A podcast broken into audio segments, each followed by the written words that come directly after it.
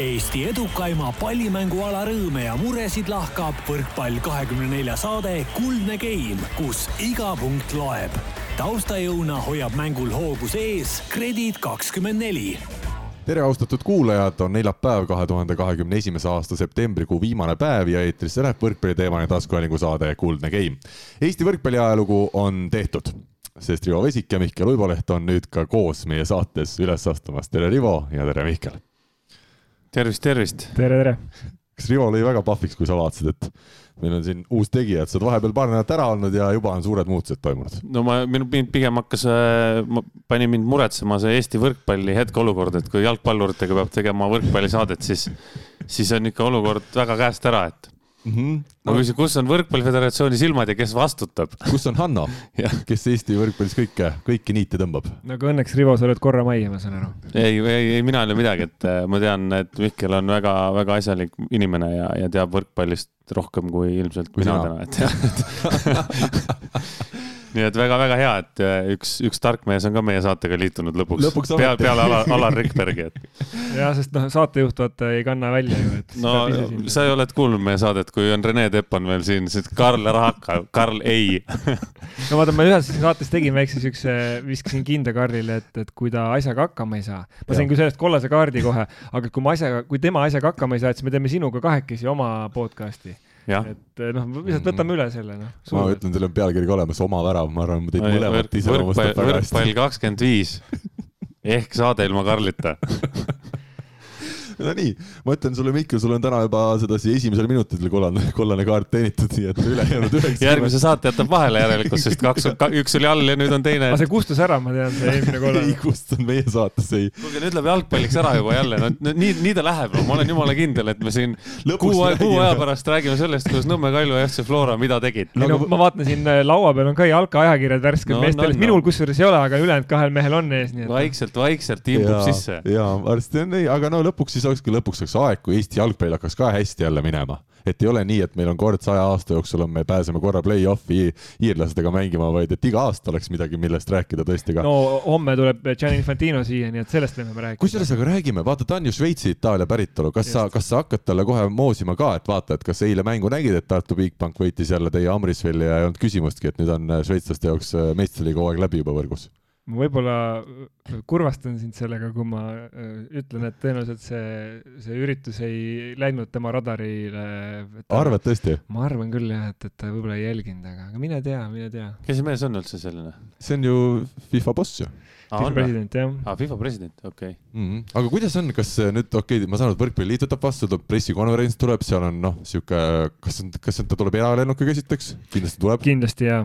jah üksinda või on seal? kas tal on oma saatjaskond ka? neiud, aa, okei okay,, saatjaskond, aga mida need, mida need, mida need saatjaskond, mida nad teevad seal no, Eestis? kui sa ütlesid, et saja aasta jooksul, siis Eesti Jalgpalliliit saab äh, sajaaastaseks mm -hmm. detsembris, nii et ta tuleb meile õnne soovima. õnne soovima. aga no loomulikult kohtub ka siin valitsuse ja linna ja Jalgpalliliidu inimestega. kas on tal eri sellised tingimused ka, nagu kui mingi rokkstaarid tulevad, siis peab olema selge sort, ütleme, veini laua peal või, või muud, et kas ta on ka juba esitanud need soovid? ei, väga, väga lihtne selles, selle koha pealt, et, äh, et et äh, panime, ütleme, tegime oma ettepaneku, kuidas äh, päevakava meie vaates võiks välja näha, ta oli sellega päri ja, ja seal mingisuguseid äh, erinõudmisi ei ole jah, nii et pigem on, kui siin on mõned tippsportlased käinud jalgpalli mõistes, siis on, seal on mõnikord sellised huvitavad nüansid, et mida riietusruumi tahetakse, mida mitte ja kes võtab oma Äh, just kindla suurusega veepudelid kaasa ja nii edasi nii edasi, mõni tuleb siin kahe rekkaga, mis on läbi Euroopa sõitnud ja toovad varustuse ja mõni siis tuleb oma lennuki pealt suurte kastidega, nii et ei, need üldiselt, mida, mida tipu poole, seda tegelikult lihtsamaks need nõudmised lähevad, et need nõudmised on just kõvad sellistel meestel, kes sinna päris tippu nagu ei jõua. kes kasutavad ära seda, et neil ja, ongi võimalik nagu sportlikult nii kõvad ei ole, aga kes on noh, tahavad lihtsalt näidata, et oh, ma olen nüüd tead sihuke kõva mees, et, et et vaadake. aga huvitav, kui Harri Krassa tuleks FIVB president, et kas siis ta saaks ka valitsuse ja, ja, ja linnavalitsuse ja kõikide šefidega kokku siin või? ja kui alaliit on ta nõus vastu võtma pooleks tunniks aga te, tema tuleb mingisuguse tavalise lennukiga, Ryanairiga ilmselt Ryanairiga ja sedasi, et tal on ainult käsipagas, sest tal ja. ei olnud, keegi ei olnud nõus maksma kinni seda suuremat pagasi. käsipagas ja siis on äh, seal lennuki väravas on stardis, et saaks normaalse istekoha ma, ma pean nüüd, mina pean nüüd see olema, kes ütleme, et räägime võrkpallist ka, et, et just, äh, just rääkisime, Harri Krass on FIVB president no,, kui sa ei teadnud. tõsi, seda, seda, seda ma olin, seda nime ma olin kunagi kuulnud, aga, aga lihtsalt kui nüüd äh, Gianni Infantino radarile see eilne mäng ei läinud, siis noh, ma arvan, meie kõigi radarile see eilne mäng läks, läks vägagi. Ja see on, see on kõige olulisem seda küll ja me jõuame sellest mängust rääkida, sest tegelikult nagu sissejuhatuses sai viidatud, siis äh, ei olnud jah, see ajalooline sündmus nüüd Eesti võrkpallis niivõrd see, et eirata koos saates, vaid et äh, Eesti klubi on lõpuks siis äh, maailma tugevamas võrkpallisarjas teinud sellist asja, et jõudnud ühest ringist edasi. enne ei olnud seda juhtunud, Pärnu on meil mänginud siis kaks tuhat kolm, kaks tuhat neli, aga nad olid otse seal põhiturniiril ja Selver mängis siin neli aastat tagasi. Nemad siis äh, esimeses eelringis võitsid mängu, aga edasi kokkuvõttes ei pääsenud, nii et selline eriline sündmus ikkagi Eesti võrkpalli jaoks. aga Kohila on meil jõudnud edasi oh.? Selle, see pikk kohe iseloomustab seda, et järgmiseks saateks on meil see info käes. selge, mul nagu tuleks kuskilt ette, et. mängisid hästi, ma mäletan küll, aga kas see oli? et justkui meestest me räägime ajaloost, et tihtipeale mm., ega see on täiesti tavaline, et, et me räägime ju nii-öelda vastava segmendi ehk antud juhul meeste võrkpalli ajaloost, aga jaa, võib-olla siin kuulajad saavad meid parandada. kui sa, kui sa ütlesid, siis, siis vist, vist said isegi, kas neil ei olnud mingi Küprose võistkond või mingi selline üsna, üsna nagu nõrk võistkond vastas, esimese ringi nad vist võitsid, et. jah, äh, no läheme edasi, meil on, äh, ma tahtsin nii palju veel selle Infantino kohta öelda, et nüüd on siis Eesti jalgpallil ka oma Gianni, et meil oma võrkpallis oma Gianni on, on juba pikemat aega olemas, kuigi täna me sedasi aktiivselt ei, ei tegutse meie võrkpallimeeskondade või klubide juhendamisega nii on. tuleb noogutada ainult. aga head kuulajad, võtame ette tänase saate esimese teema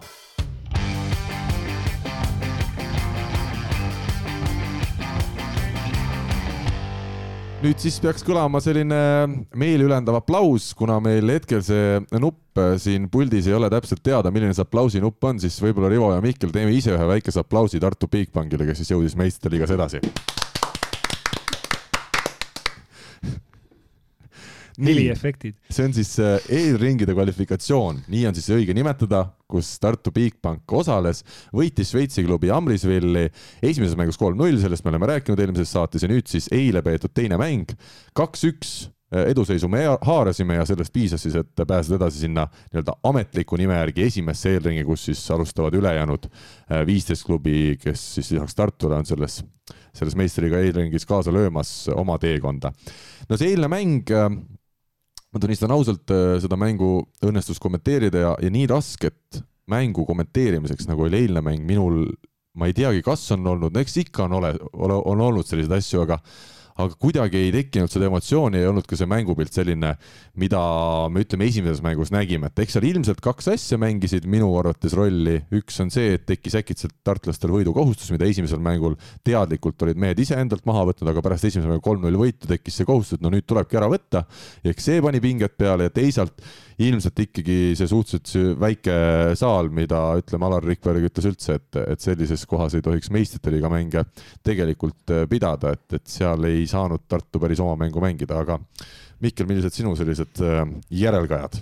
ma kuulasin ja vaatasin loomulikult ka seda otseülekannet ja ja te olite Tarmoga seal päris äh, noh, nagu elevil või päris sellises nagu ahastuse seisundis kohati. aga ma ütlen ausalt, et mul teleka taga oli väga rahulik olla, mul ei olnud küll kordagi niisugust tunnet, et Tartu võiks selle mängu kaotada.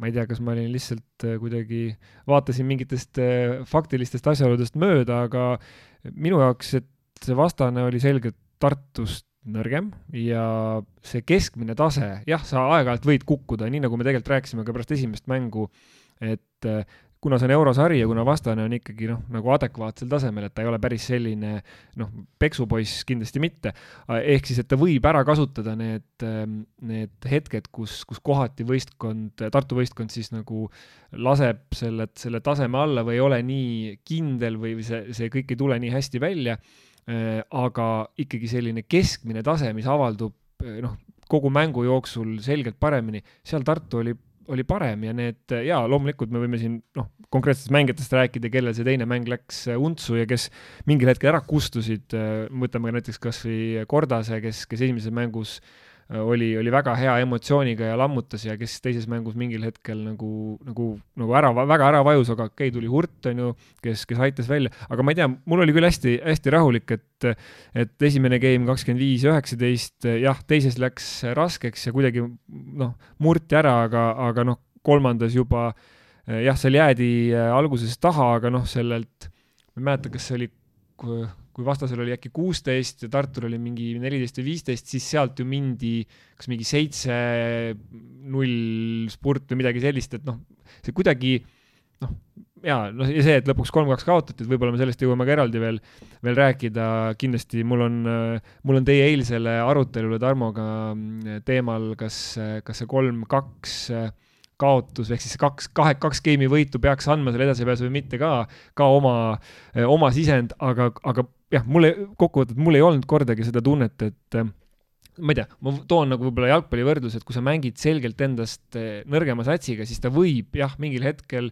mängides, ma ei tea, seal umbkaitset ja mängides vasturünnakute peale, pluss sul endal tekibki see võidukohustus ühel hetkel, et sa pead, sa pead, sa pead, mida ilmselt ka Tartul eile äh, võib-olla seal teises game'is tekkis, et see tundus juba nagu nii lähedal ja Just, noh, vormistame ära ja nüüd on see võimalus, on ju et, et hooti võib vastane, nõrgem vastane nagu, nagu saada seda, aga, aga noh, üks oli ikkagi minu jaoks, selles paaris üks oli võistkond suure tähega, teine oli võistkond väikse tähega nojah, ja puudu oli ju veel Amrisvilil kordusmängust nii Dmitri Filippov, äh, nende parim sidemängija, mängis siis seal kahekümne vist ühe aastane Luka Veber, kes üldse esimest hooaega meesteklassis on tegutsemas ja selgelt oli näha tema ebakindlust ja ebatäpsust tõstetel ja ei olnud ka seda kuubakat soosat ikkagi, kellel see kõhulihaase vigastus oli nii tõsine, et ei pääsenud ta rohkem kui paaril korral seal plokki tugevdama.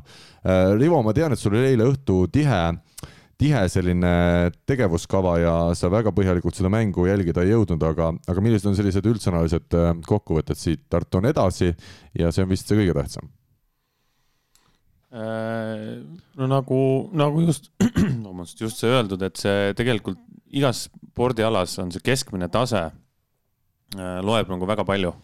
et kui su keskmine tase on kõrge, siis, siis sa võid sealt alla langeda ja, aga see, see ei kajastu nagu nii palju mängus, on ju, ja, ja, ja nii palju, kui ma seda mängu nägin, seda esimest mängu nägin ja, ja teist mängu, noh, ma nägin ühe game'i, ma ütlen päris ausalt, siis oligi, oligi lihtsalt selle, selle Šveitsi võistkonna keskmine tase oli nii palju nõrgem, et kui nemad ära kukkusid, siis seda oli nii kiiresti näha.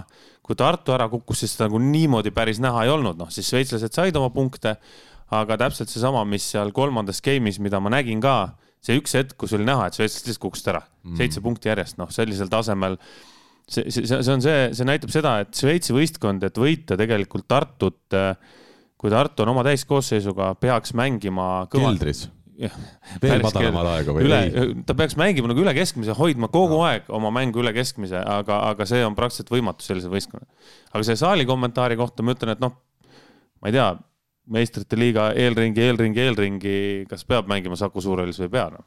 mina arvan, et mitte. siin, siin on selle, selle väljaku kohta, noh, jällegi ma toon jalkast võrdluse, et äh, võib-olla paljud ei ole selle peale mõelnud, et jalgpallis on ju ka, ega sul ei ole fikseeritud väljaku suurus sul on. üheksakümmend kuni sada kakskümmend on ju, pikkus just. ja laius on kaheksakümmend kuni sada kümme, kui ma ei eksi um,. umbes enam-vähem seal natukene selle laiuse koha pealt natuke on, on teised numbrid, aga põhimõtteliselt jah ja, sul on variatsiooni võimalus, ehk siis kui, kui Eesti koondis käis vanasti Andorras mängimas, siis Andorra väljak oli nii kitsas, kui peaaegu et vähegi võimalik on. ta oli seal mägede vahel ka, seal ei olnudki võimalik enam-vähem laiemat väljakut panna. aga see piir, riigi piir tuli vastu. riigi piir tuli vastu enam-vähem nagu siin võrkpallurittelgi, aga, aga see tähendab seda, et et, et, et noh, sul läks harjumisega aega ja koduvõistkond paratamatult sai mingisuguse eelise, aga senikaua, kui see on nii-öelda reeglite piires, midagi pole teha, see on natuke sama kui külm ja kuum ilm näiteks jalkas, et kui sa lähed Küprosele mängima eh, kuskil seal suvel või, või kesksuve, sul on seal on meeletu palavus. Või siis, kui tuleb, ma ei tea,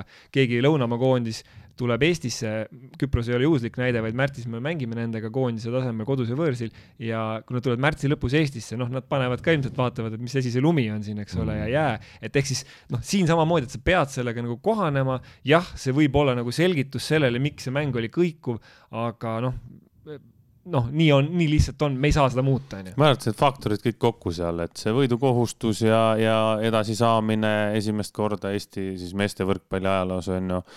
ja väike saal ja need kõik, kõik need, kõik need elemendid kokku andsid selle, selle tulemuse, noh.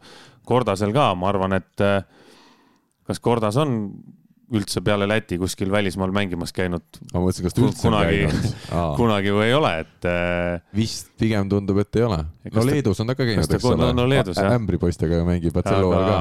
aga kas ta koondises on, ta ei ole koondises ka olnud, on ju et see, see on tema, tema jaoks oli see esimene nagu välisreis üldse võrkpalliga seoses mm, -hmm. ma arvan kui välja jätta mingid noortekoondised võib-olla asjad, aga meeste meistrite liiga eelturniir, noh seal. no ja samamoodi Aleksander Eermaa, meie ikkagi põhisidemängija.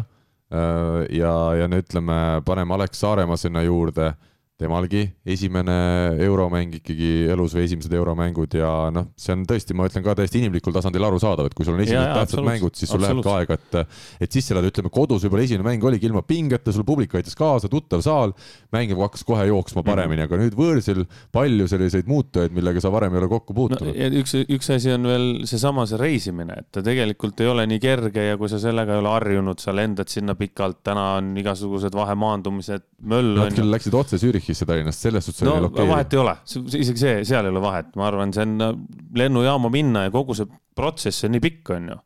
kui jah, me lendasime Kristjaniga kunagi sada kakskümmend lendu aastas, siis meie jaoks oli jumala ükskõik, kui pikalt või kuhu me lendasime, et me lendasime kohale, me teadsime täpselt, mida teha, et minna kohe peale, on ju.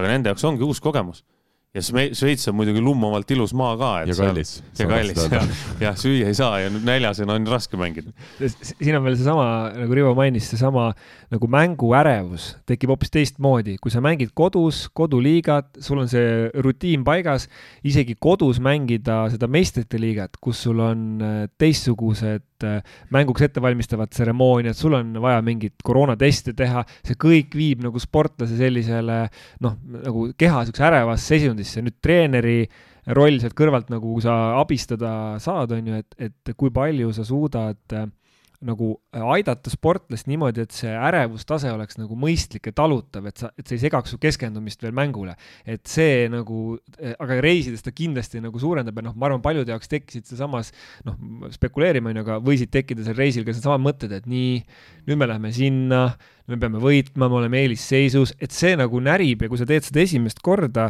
noh, et kus on see nii-öelda see, see tuhk, kus sa tahad nagu teha, versus see, et kus see muutub juba selliseks nagu ülevõimendatuks, ülekeskendatuseks, et see on hästi ja see ongi nagu, see tuleb ainult kogemusega lõpuks, et sa peadki käima need reisid ära ja kooliraha maksma ja kui me mõtleme noh, selle, selle eilse mängu peale, siis noh, see teine game oli noh, ma ei ütleks, et ta võib-olla kooliraha oli, kogu see, ma arvan, see seeria oli hea kooliraha, aga, aga noh, see, et sa kaotad ühe game'ikese kahe mängu peale, ühe noh, game'i, mis olenes, millest tõsiselt Just. midagi olenes, sellest ei ole nagu midagi. ükskõik kes see vastane on. võib-olla Alex Saaremaa ei ole üldse lennukiga lennanud kunagi, võib-olla esimene kord üldse ta nii noor poiss. seda me saame Alexi käest küsida, aga ma küsin vahele, kuna siin oli enne mängu tuli välja, et äh, käisid siis Gert Toobal ja klubi mänedžer Hendrik Rikand, tervitus neile mõlemale, käisid jõusaalis kuna noh, Gert ei saa trenni kaasa teha, ta oli seal sellise mentorina kaasas. Äh, kaheksateist eurot maksis see üks jõusaali külastus, see oli leedulannast see noh, assistent või kes selle pileti müüs, kellega sai vene keeles rääkida, kuna inglise keelt ta väga ei rääkinud. Äh, tuli välja, nii nagu Rikand väga täpselt sõnastas, et mõned masinad seal jõusaalis olid vanemad kui neljakümne kahe aastane Gert Toobal ja teised masinad olid jälle raskemad kui Rikand ise. aga Rivo, mis on kõige kallim jõusaali kogemus sinu karjääris?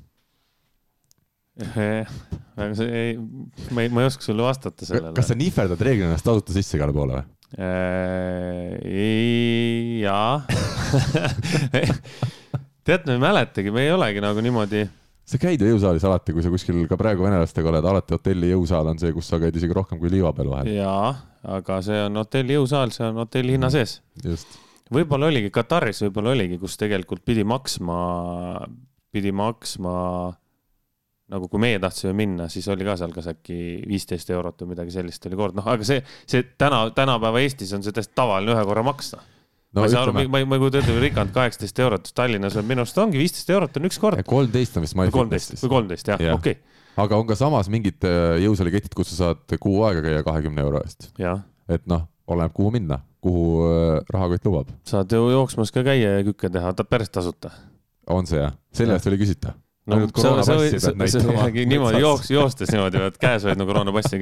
kui sa, kui sa väga tahad maksta, sa võid mulle maksta, Karl, jooksmise eest. et ma ütlen, ma lähen Järve metsa täna. jah, teed mulle sa ülekande. küsid, kaua, kaua oled, ma ütlen, noh, poolteist tundi, sa ütled, okei okay,, noh, siis teeb, eks ole, viisteist euri. jah, umbes sinna Mhm. kanti, jah. ongi jah, sihuke pool tundi viieks. aga vaata, mida jälle, mida mina mõtlen alati positiivselt üritan leida. miks oli hea, et see maksis nii palju? ma arvan, et Rikand ja võib-olla ka Toobar, tänu sellele nad olid pikemalt seal jõusaalis, nad rohkem kasutasid erinevaid masinaid, sest nad tundsid, et neil on vaja see raha täis teenida. täpselt, Karl, see on täpselt see, mida ma olen rääkinud kogu aeg meelelahutusinimestele. pange kallim pilet, inimene on kauem sees on ja, ja pange, pange kallim pilet. ta lihtsalt ei lähe ära. sa ei lähe ära, sest ta on maksnud selle eest. see meenutab mulle seda, et, et kui on need äh, Rootsi lauad või siuksed bufeesöögid, kus sa saad nii-öelda all you can eat äh, printsiibil siis need asjad, et siis noh, maksadki selle sissepääsu ära, siis nüüd on vaja süüa, nüüd on vaja süüa siin mitu nädalat ette, et see natuke sama selle jõusaaliga, et nüüd teeme kaks trenni korraga ja kolm trenni korraga, et sellega tuli jumala hästi meelde esimene kord, kui ma läksin Rootsi, me läksime Pärnu võistkonnaga Rootsi või noortekoondisega. ja esimene kord oli noh, põhimõtteliselt Rootsi laud on ju seal Rootsi laeva peal. ja, ja järjekorras ootame, meie ees oli üks grupp, vene, vene grupp, ma arvan, kaksteist inimest umbes ja nad istusid täpselt meie kõrval lauda. me istusime sinna maha, läksime, hakkasime neid asju võtma, noh, me teadsime, kuidas süsteem käib ja siis mina hakkasin sööma. ja, ja siis see vene grupi giid seletas neile, et noh, et vot,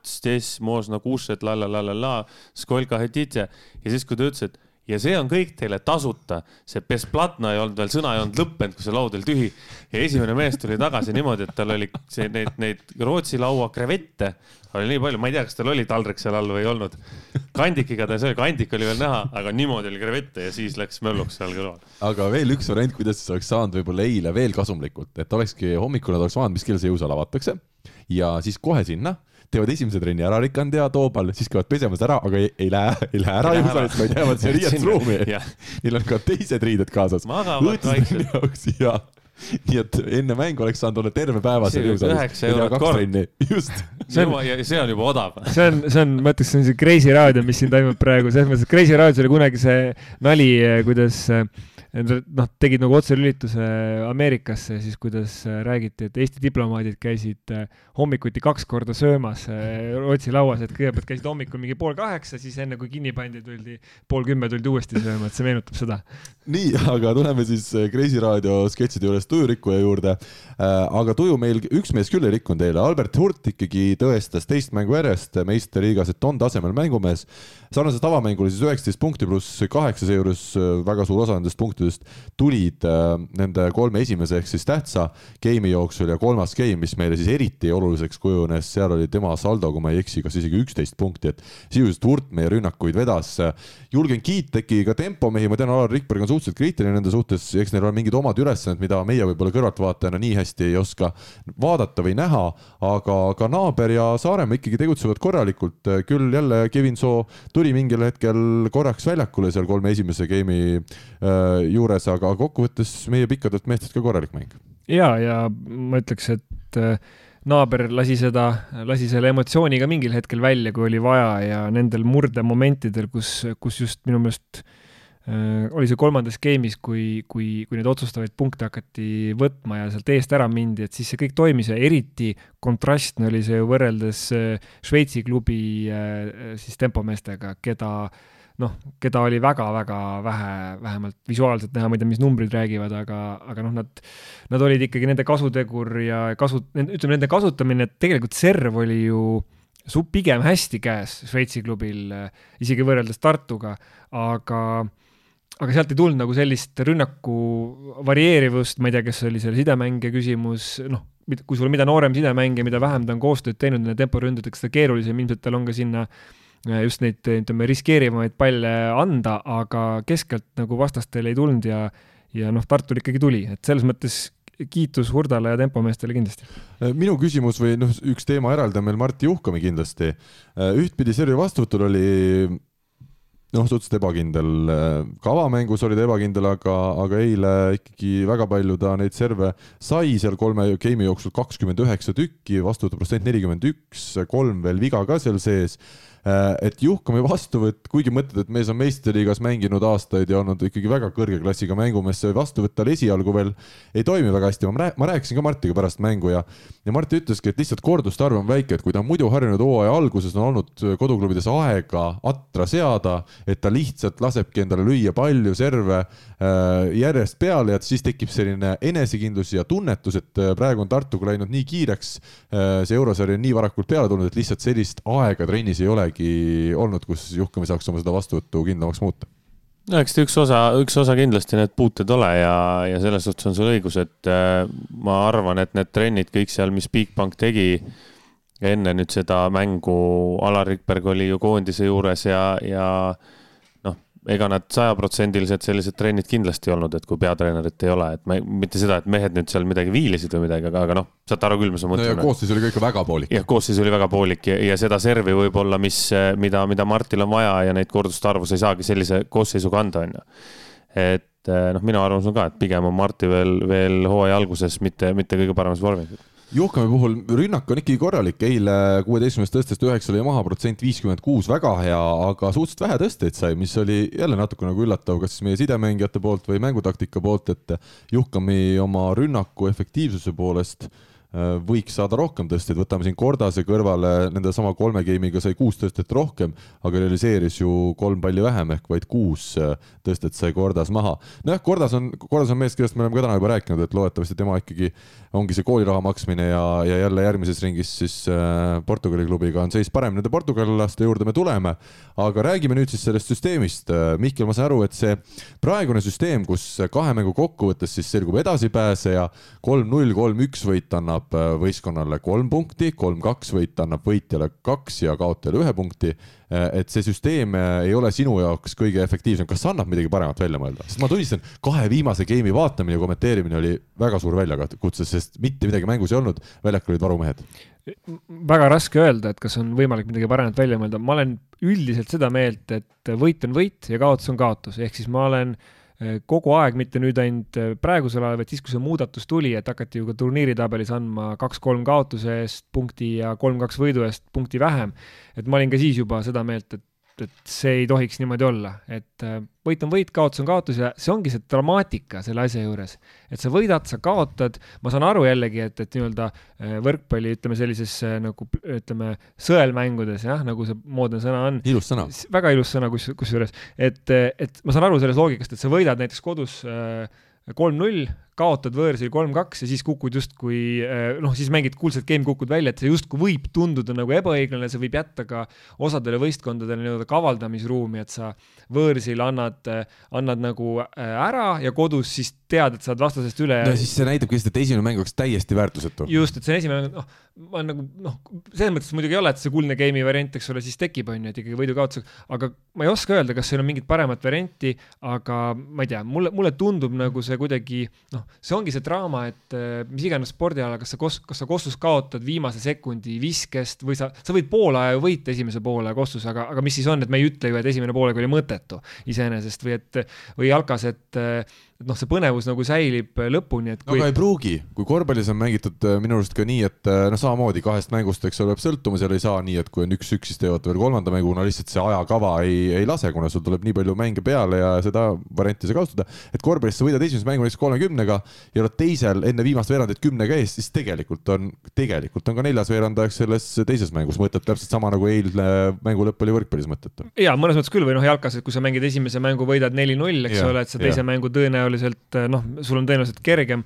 Äh, eriti kui sa veel veer, võõrsil võidad neli-null, et siis, siis on nagu praktiliselt tehtud et.... nõus, aga, aga samal ajal ma ei tea, mulle see, mulle see draama nagu või see niisugune konkreetsus meeldibki, et sa, sa kaotadki või noh, et, et ma ütleks ka niipidi, et äh, võttes nüüd äh, turniirisüsteemis mängitavas võrkpallis näiteks, kas see kolm-kaks võit, et ma saan ju vähem punkte kui kolm-üks või kolm-null võidad, aga ma ikkagi nagu võitsin, et see, see kuidagi võtab minu jaoks selle pinge sellest viimasest game'ist äh, välja, et ma olen juba midagi saanud justkui ja ka nii-öelda potentsiaalse kaotaja poole pealt ja potentsiaalse võitja poole pealt ma enam ei saa niikuinii seda maksimumi püüda, et ma oleks ikkagi seda meelt, et kas kõik või mitte midagi. aga ma vaidlen selles suhtes vastu, et mina olen äh, nüüd võrkpallis viimased kolm-neli aastat olnud eriti tugevalt sees ja ma ei ole kunagi tundnud üheski võrkpallimängus, kus läheks viiendasse game'i, et kuidagi pinge kaob ära, pigem vastupidi, alati kui on viiekümnega mäng, ikkagi mõlemad tahavad veel eriti seda mängu ikkagi just ära võita ja kasvõi selle ühe punkti sealt juurde saada.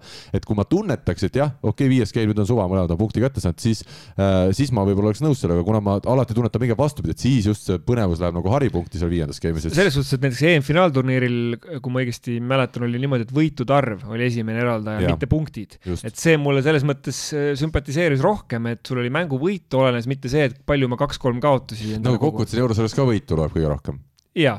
võidad kaks mängu, eks ole. jaa, võidad kaks mängu, lähed edasi, loomulikult lihtsalt noh, ma saan aru, et ega siin mingit ideaalset süsteemi ilmselt ei olegi, aga, aga see emotsioon on mul kuidagi kogu aeg olnud, võib-olla tuleb ka sellest ajast, et kui kui ise sai mängitud, et siis olid nagu teistsugused reeglid ja harjusid sellega ära, aga, aga kuidagi see, see, et, et see draama, noh, ma toon siis jällegi jalkaparalleeli, midagi teha ei ole, mängisime Šveitsiga siin mõned aastad tagasi, läheb, läheb tänasesse teemasse, valikmängu Äh, üheksakümmend pluss üks minutil Ats Purje lõi tühjast väravast üle õnnetult ja vasturünnakul äh, Klaavan lõi õnnetult oma värava, kaotasime null-üks.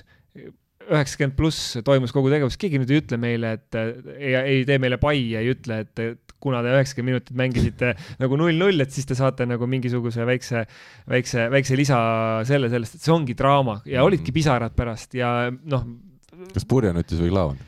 mõlemad, ma arvan, et äh, selles mõttes, et see on, see on talumatu, aga see käib spordiga kaasas minu meelest. nõus, nõus. üks, üks äh, variant on teha selline, vaata nagu jalgrattasporti tehti huvitavamaks on ju, igasuguste vaheetappide ja rallis on ka ju mingi punktikatsed ja mis see kõik ja. on juurde pannud.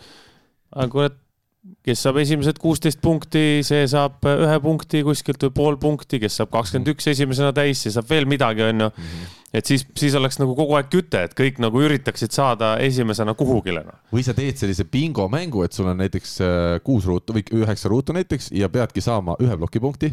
nii, siis paneb treener kirja linnuke olemas, siis üks servias, linnuke olemas ja sa pead saama üheksa ruutu täis, et võita näiteks esimene osa mängust. ja siis, mis sa selle eest saad, siis saad sinna punktitabelisse saad ühe punkti kirja või? ja siis, siis juhtub see, nagu on mitmete aladega minu meelest juhtunud, et kes on äh, just tele tõttu oma ala nagu kardinaalselt muutnud, ma arvan, võrkpall ei ole nagu kardinaalselt oma ala muutnud tele tõttu, aga on, on teatud alad, kes on muutnud kardinaalselt.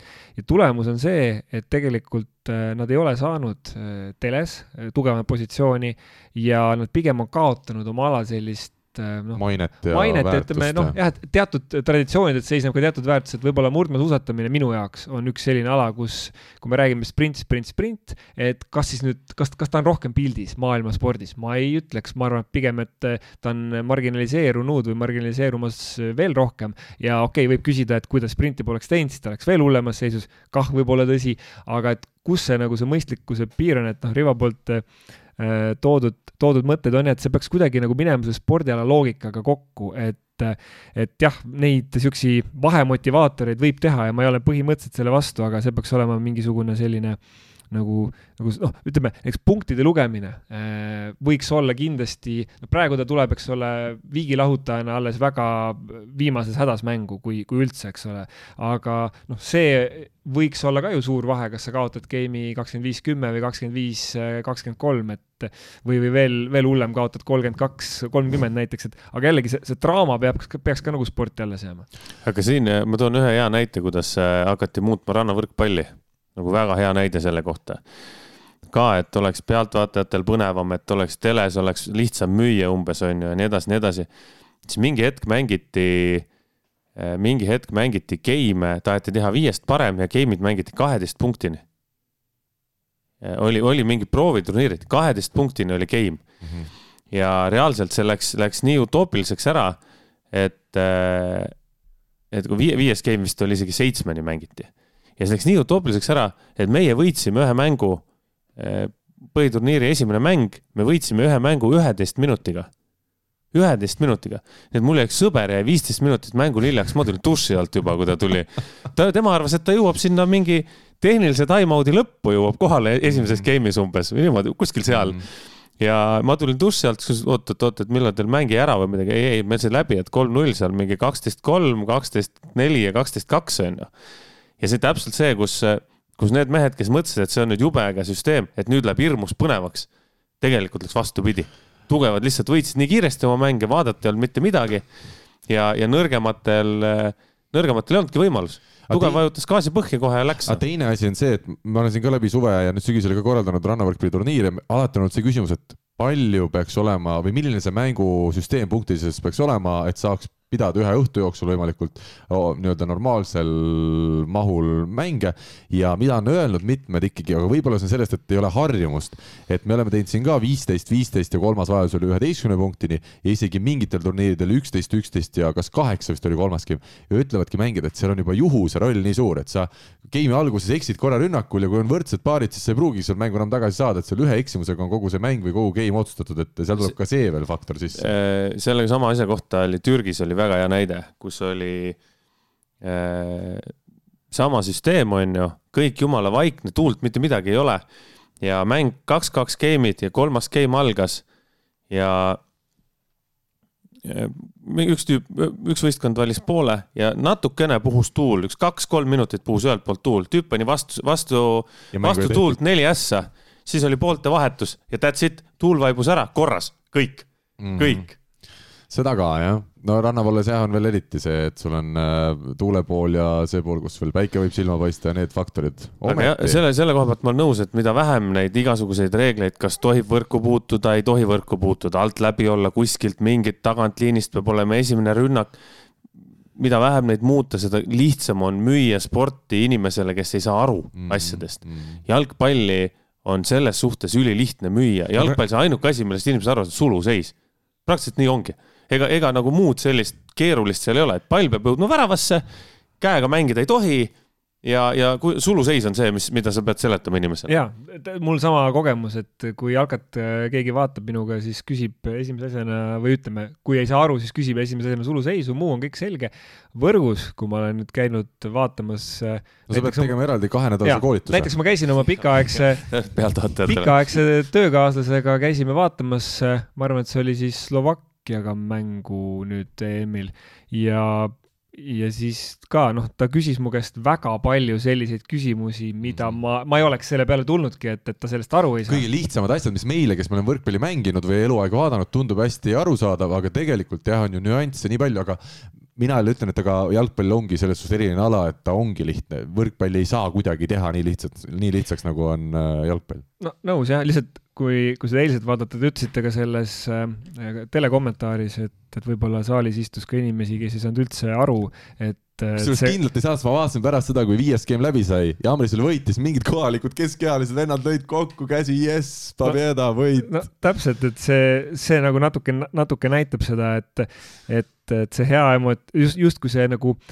mis on ka minu meelest jällegi põhimõtteline küsimus sport ei pea pakkuma ainult head emotsiooni, sport ei ole oma olemuslikult meelelahutus, sport on ka meelelahutus muuhulgas, aga ta on eelkõige ikkagi nagu selline noh, ta on võitlus, ta on äh, mingisuguse kohaliku kultuuritraditsiooni osa ja selle hulka paratamatult käib ka see, et sa ei tule sealt saalist või staadionilt alati ära hea emotsiooniga. ta peab pakkuma sulle ka mõtlikku emotsiooni, mõnikord ka kurbust, draamat, pisaraid, et see on nagu elu, elu peegeldus seal väljakul või elu osa ja, ja see eilne mäng nagu noh, samamoodi, et, et ütleme noh, kui nüüd äh, Šveitsi omad läksid koju, mõtlesid, et jess, me saime selle võidu kätte, siis noh, kui ma nüüd noh, ütleme nii-öelda sinu sõbrad, äh, Karl Piltikud öeldes seal mängisid, vähemalt sa rääkisid sellest äh, Hansmanist, eks ole, ülekande ajal, et, et jah, et, et, et noh, ja samal ajal šveitslased vist, ma ei tea, kas ühe mängija vahetasid sisuliselt välja ainult mm -hmm. ja mängis, jätkasid nagu põhikoosseisuga, et noh, see ei, see ei tohiks ju mingisugust nagu rõõmu neile pakkuda, et ma ütleks isegi, et need äh, Tartu varumängijad mängisid väga korralikult ja, ja neid oli nagu,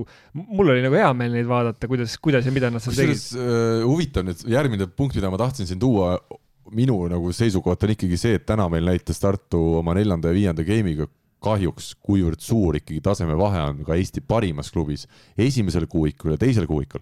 et jah, ma olen selles suhtes sinuga täiesti nõus, et need mehed, kes teevadki nagu Ergo Hansmann ja Siim Päid seda võrkpallimängu sügavast fanatismist ja harrastusena oma siis põhitegevuste kõrvalt, et nad jõuavad üldse trennis käia ja anda ennast parima, kuigi ma tean, et ega neil lihtne ei ole, kui neil on vastas seal Eesti koondise mehed Rikberg ja Hurt, kes veel vahel võib-olla ütlevad ka, et kuule Ergo, proovi nüüd pall vähemalt üle võrgu toimetada. et igal juhul respekt neile ja austus neile selle eest, aga noh, nukraks teeb natuke ikkagi see, et meil on Eesti parim võistkond ja meil on teine kuuik on seal noh, täna esiliiga tasemel ei ole midagi teha, noh mõned mehed on natukene paremad ja on siin meistriliigaski mänginud, aga eh, kokkuvõttes see esituse klass oli ikkagi pigem esiliiga poole kui meistriliiga poole.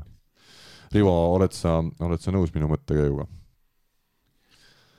Nojah, see, aga, aga see on igas võistkonnas niimoodi, et ega Eestis ei ole võrkpallureid sellel tasemel võrkpallureid lihtsalt nii palju, et me saaksime teha, kui me tahame teha ühte sellist võistkonda, kus on esi, esikuuik ja teine kuuik on, on nagu ühetugevused, et siis peab olema, ta peabki olema selline noh, ESS Pärnu võrkpalliklubi laadne põhimõtteliselt supervõistkond on ju, kus sul ongi, sul on noored väga head mängijad, sul on vanemad kogenud mängijad, aga need noored on juba nii heal tasemel, et nad suudavad pakkuda konkurentsi nendele mm. vanematele.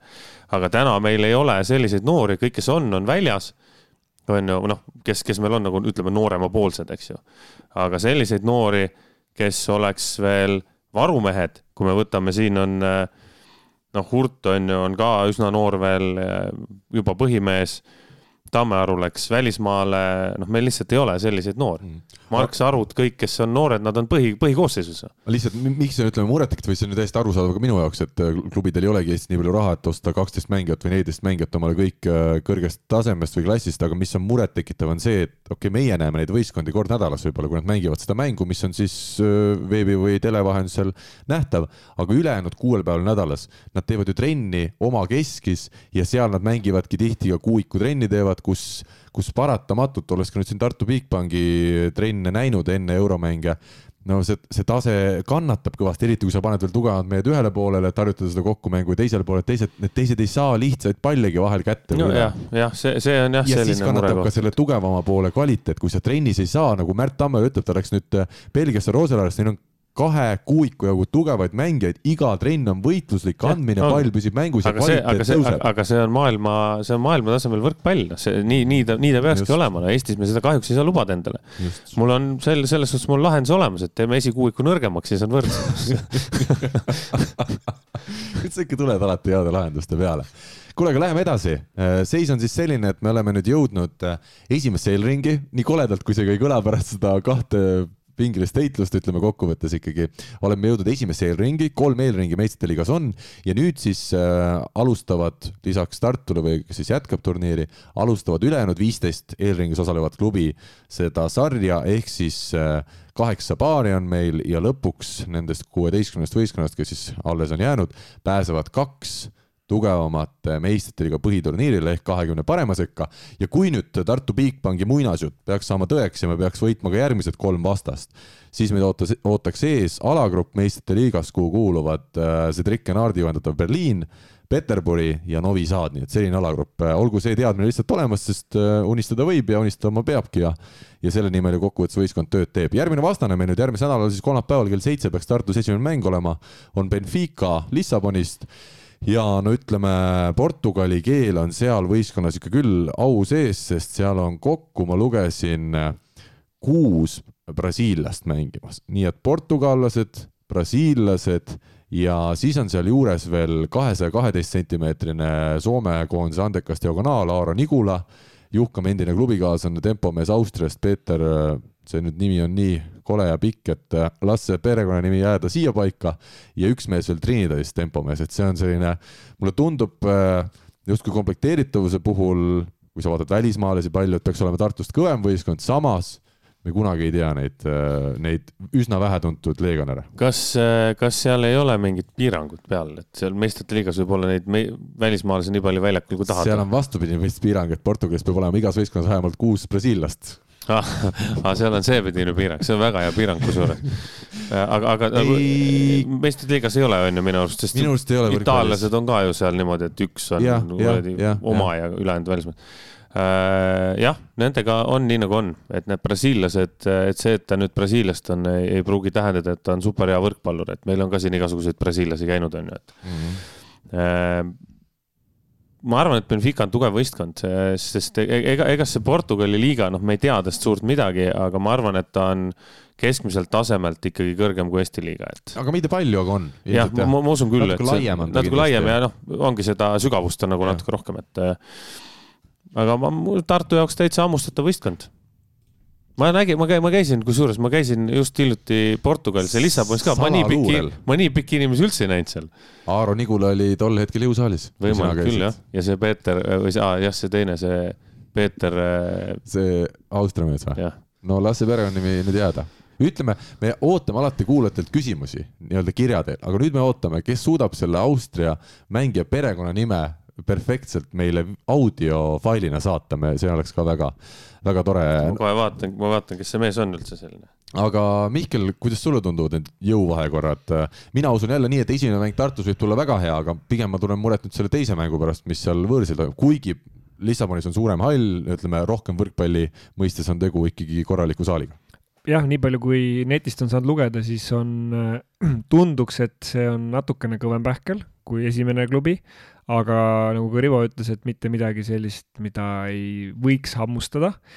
see nüüd, et on neid presse palju, see on noh, ma ütleks normaalne, Portugali, Brasiilia kultuuriruum on, on üks laias laastus ja eks väga palju tullakse ja noh, jalgpallis on täpselt sama, et neid siis Portu, ütleme siis neid portugalikeelseid ehk siis brasiillasi on Euroopas väga noh, ka väga palju, aga see ei pruugi tähendada nagu kvaliteeti, et et siin ühes äh, jalgpalli meistriliiga mängus ma vaatasin, oli ühes võistkonnas, kas oli ka kuus või seitse brasiillast, aga see võistkond hoolimata sellest äh, kaotas, et isegi sel tasemel need... see oli Kiievi Dünamo? see oli Kiievi Dünamo täpselt, et äh, ka sel tasemel ei tähenda see, see ilmtingimata kvaliteeti, et, et noh, seda, seda, eks panused nagu tõusevad, seda teatav võib-olla selline käte väristamine võib, võib tekkida nüüd, nüüd veel suurem, aga mina olen just vastupidi kusjuures et ikkagi Benfica vastu me ükskõik, kuidas see esimene mäng lõpeb, ma ei usu, et me suured favoriidid oleme no.. kus, kusjuures üks asi, mis ma praegu vaatasin, võtsin selle võistkonna nimekirja ette, see on üsna vana võistkond.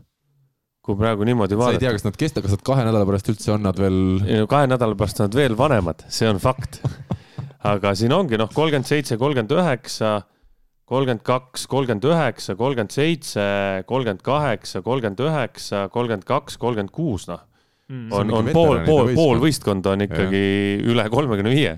no okei okay,, siin kaks kolmekümne kahe aastast on ka hulgas, aga ja teised on jälle kakskümmend kaks, kakskümmend kaks, üks on kakskümmend kuus, kakskümmend üheksa ja ongi nii, noh, et see üks on nagu päris noor ja neid, neid ütleme siis, ütleme siis nagu ideaalses võrkpallieas mängijaid tegelikult on praktiliselt kaks või kolm selles võistkonnas, et ma, ma ütleks selle veel selle väristamise kohta võib-olla seda, et ma just mõtlen eelkõige selles osas, et kui kodus läheb hästi, et, et siis, siis see lihtsalt see, see. ikka tekib see võidukohustus, jah? ja, et see noh, aga sellega tuleb toime tulla ja eks noh, ma loodan, et sellega tullakse järjest rohkem, lihtsalt see, kuna see, see panus nagu, nagu see kõik, see kõik kasvab, see kõik muutub pingelisemaks, et see ei lähe see nii-öelda iga järgmine samm, ega ta ei lähe kuidagi kergemaks ja ma toon jällegi võrdluse jalkast, et nüüd Flora sai eurosarjas alagruppi. nüüd Tartu üritab äh, samamoodi võrkpallis alagruppi jõuda. nüüd selleks, et Flora sinna äh, jõuaks, nad tegid suhteliselt pika plaani, äh, tegid ka pika komplekteerituse ja, ja jõudsid siis nagu kaks korda eurosarjas juba mingid sammud edasi või isegi kolm korda, et, et noh see tuleb nagu paugu pealt? see, see ei tulnud nagu paugu pealt jah, et see tuumik nagu kasvas, kasvas, kasvas ja võeti ka pigem nagu noored Eesti mängijad ja ehitati selle ümber ja kes omandasid kogemusi, mõni käis sutsu välismaal, tuli tagasi et eks ta peab olema selline, ma ei ütle, et äh, Tartu võrguvõistkonnal seda ei ole, et võib-olla on, aga, aga lihtsalt, et, et ei tasu ka heituda sellest, kui sul, kui, kui sa laod nagu mingisuguse põhja ja siis sa peadki selle pealt ehitama. Järgmine aasta, pigem on siin olnud, eks ole, küsimus selles, et kas on vahendeid, et osaleda järjepidevalt eurosarjas. Ja noh, ma saan aru, et ka praeguse järgmisse ringi pääsemine, noh, olen ka aru saanud, et linn ja sponsorid on küll lubanud nagu aidata edasi, edasipääsemise korral neid mm -hmm. jutumärkides karistusi ehk siis äh, lisa, täiendavaid lisakulusid katta, aga printsiibis, et kui õnnestuks järjepidevalt kaks-kolm aastat järjest mängida, et ma arvan, et see mm -hmm. ja säilitada vähemalt osa sellest tuumikust, ma arvan, et see aitab kõvasti aga noh, siin ongi, ei saa seda tuumikut ju, meil läks Märt Tammearu sel suvel ära, järgmine suvi on ilmselt Albert Hurt läinud, ehk siis paremad mehed lihtsalt võetakse ja peavadki minema välismaale, siin ei ole nagu sellest, kui nii kaua, kui meil ei ole superklubi, ma arvan, et see on okei okay., ei no ma arvan, et see on okei okay., et siit me Eestist me leiame enam-vähem samasuguse mängija asemele ja, ja kui, kui, kui see, selle tasemega nagu natukene seda iga aasta tõsta siis on, siis on kõik tipp-topp, selles suhtes ongi õige mõte, et see peab olema pikaajaline projekt, et ühe aastaga seda ei ole mõtet teha aga vot siin tuleb see mängu, seesama võrkpalli väga suur miinus väga,, väga-väga suur miinus on see, et rahvusvaheline Euroopa Liit, Euroopa Võrkpalliföderatsioon ja ka rahvusvaheline alaliit, no need toetused on, on olematud, kui seal üldse midagi on. ma annan sulle infot, tahad või? et see, see, see, see on, see on ebareaalne, noh, see, see ei ole attrakt-, ta ei ole atraktiivne, minu arust esikoht oli meistrite liigas oli miljon eurot või? Võis olla midagi sellist. täi-, täi-, täiesti võimalik ja, ja ma rääkisin kunagi äh, Kaasani seniidi, kui nad võitsid ära, on ju, miljoni, Kaasani seniidi mänedžeriga Moskvas saime kokku mingis sel-, ühesõnaga mingis seltskonnas, küsin, noh, professionaalselt õnne, küsin, et kuidas on siis, et noh, et nüüd miljon, eks, et et kas see nagu aitab ka midagi või, siis ta ütles, noh, midagi aitab, aga tegelikult on umbes kolm miljonit miinust, on ju, kaks või kolm miljonit miinust. treeninglaagrid, meeskonna meeste palgad la, la, la, la, la, la, la, la, et see on, see on, see on selline asi, mida tehakse puhtalt selle karika nimel. mingit ja, rahalist, materiaalset tasu sealt ja, ja ta ütles ka, et noh, et ega nüüd sellepärast meile see oblast või toetajad nüüd midagi rohkem juurde ei anna, et no,. võib-olla mingi, eks ole, lepingus äh, punkt sees, aga reeglina ta ikkagi ei kata ära vähemalt seda kõike, mis. ei mis kata jah, ei, ei kata, et. aga siin tuligi meil Mairolt tuli küsimus äh, et äh, no ma loen selle küsimuse ette, kuna ta on siin täpselt selle teemaga seoses. tere, Šveitsis saavutati peaeesmärk, saadi teise ringi, võimas. kommentaarid ETV kahes mainisid, et mängu võiduga kaasneb ka rahaline tasu. mis summast käib jutt, suurusjärk, et Tartu võistkonna mänedžer pidas seda nii väikeseks? saan aru, et leida ka teistele mänguaega neljandas game'is. palun näidake vahetusmehed, särage, tõestage. kui tuleb viies game, toonuks pikk, äh, pikad keskele tagasi, Juhkama vigastatud, arusaadav, aga meedia pealkirjad nii meil kui ka välismaal oleks kõlavamad, et Tartu Bigbank alistas korduskohtumises Šveitsi karukoopas äh, vastase ja tagasi edasipääsu. homme loeme, piisas kahest game'ist kaotuse kõrvale või muud sellist, kas äh, kas noh, siin tulebki jah see küsimus nüüd, et, et mis see summa siis oli. Rikandi käest siis uurisin seda, et ühes ringis osalemise tasu, mis tasutakse siis Rahvus- või Euroopa Võrkpalliliidule, on paar tuhat eurot ja kui sa selle kaotad selle paari, siis sa saad selle paar tuhat tagasi ja kui vist äh, võidad, siis saad veel tuhat eurot peale, aga ta ütles, et ühes ringis osalemine maksab kakskümmend viis tuhat, siis äh, praegu läks neil näiteks äh, umbkaudu maksma, sest oli suhteliselt selline kalliks osutus üks, üks ring siis, aga et noh, et kui me saamegi, räägime siin tuhandest eurost, siis kokkuvõttes tuhat eurot, arvestades, et meil läheb kokku selle ühe ringi peale kakskümmend viis tuhat, on lihtsalt nii väike protsent, seal alla viie protsendi jah, see, see pole isegi nagu märkimist väärt eriti mm, -hmm. aga sellest äh, võistkonna komplekteerimisest veel, äh, veel lihtsalt omalt poolt äh, ühe nüansi lisades, et jah, et see on normaalne, et mängijad lähevad nagu välismaale, aga nüüd sellesama Äh, kas sul on plaan, äh, kui me räägime pikemast plaanist, kas sul on plaan, kes selle mängija asemele võiks tulla mm. mingis perspektiivis, on see siis oma noortesüsteemist mõni või mõnest teisest klubist näiteks, äh, noh, seesama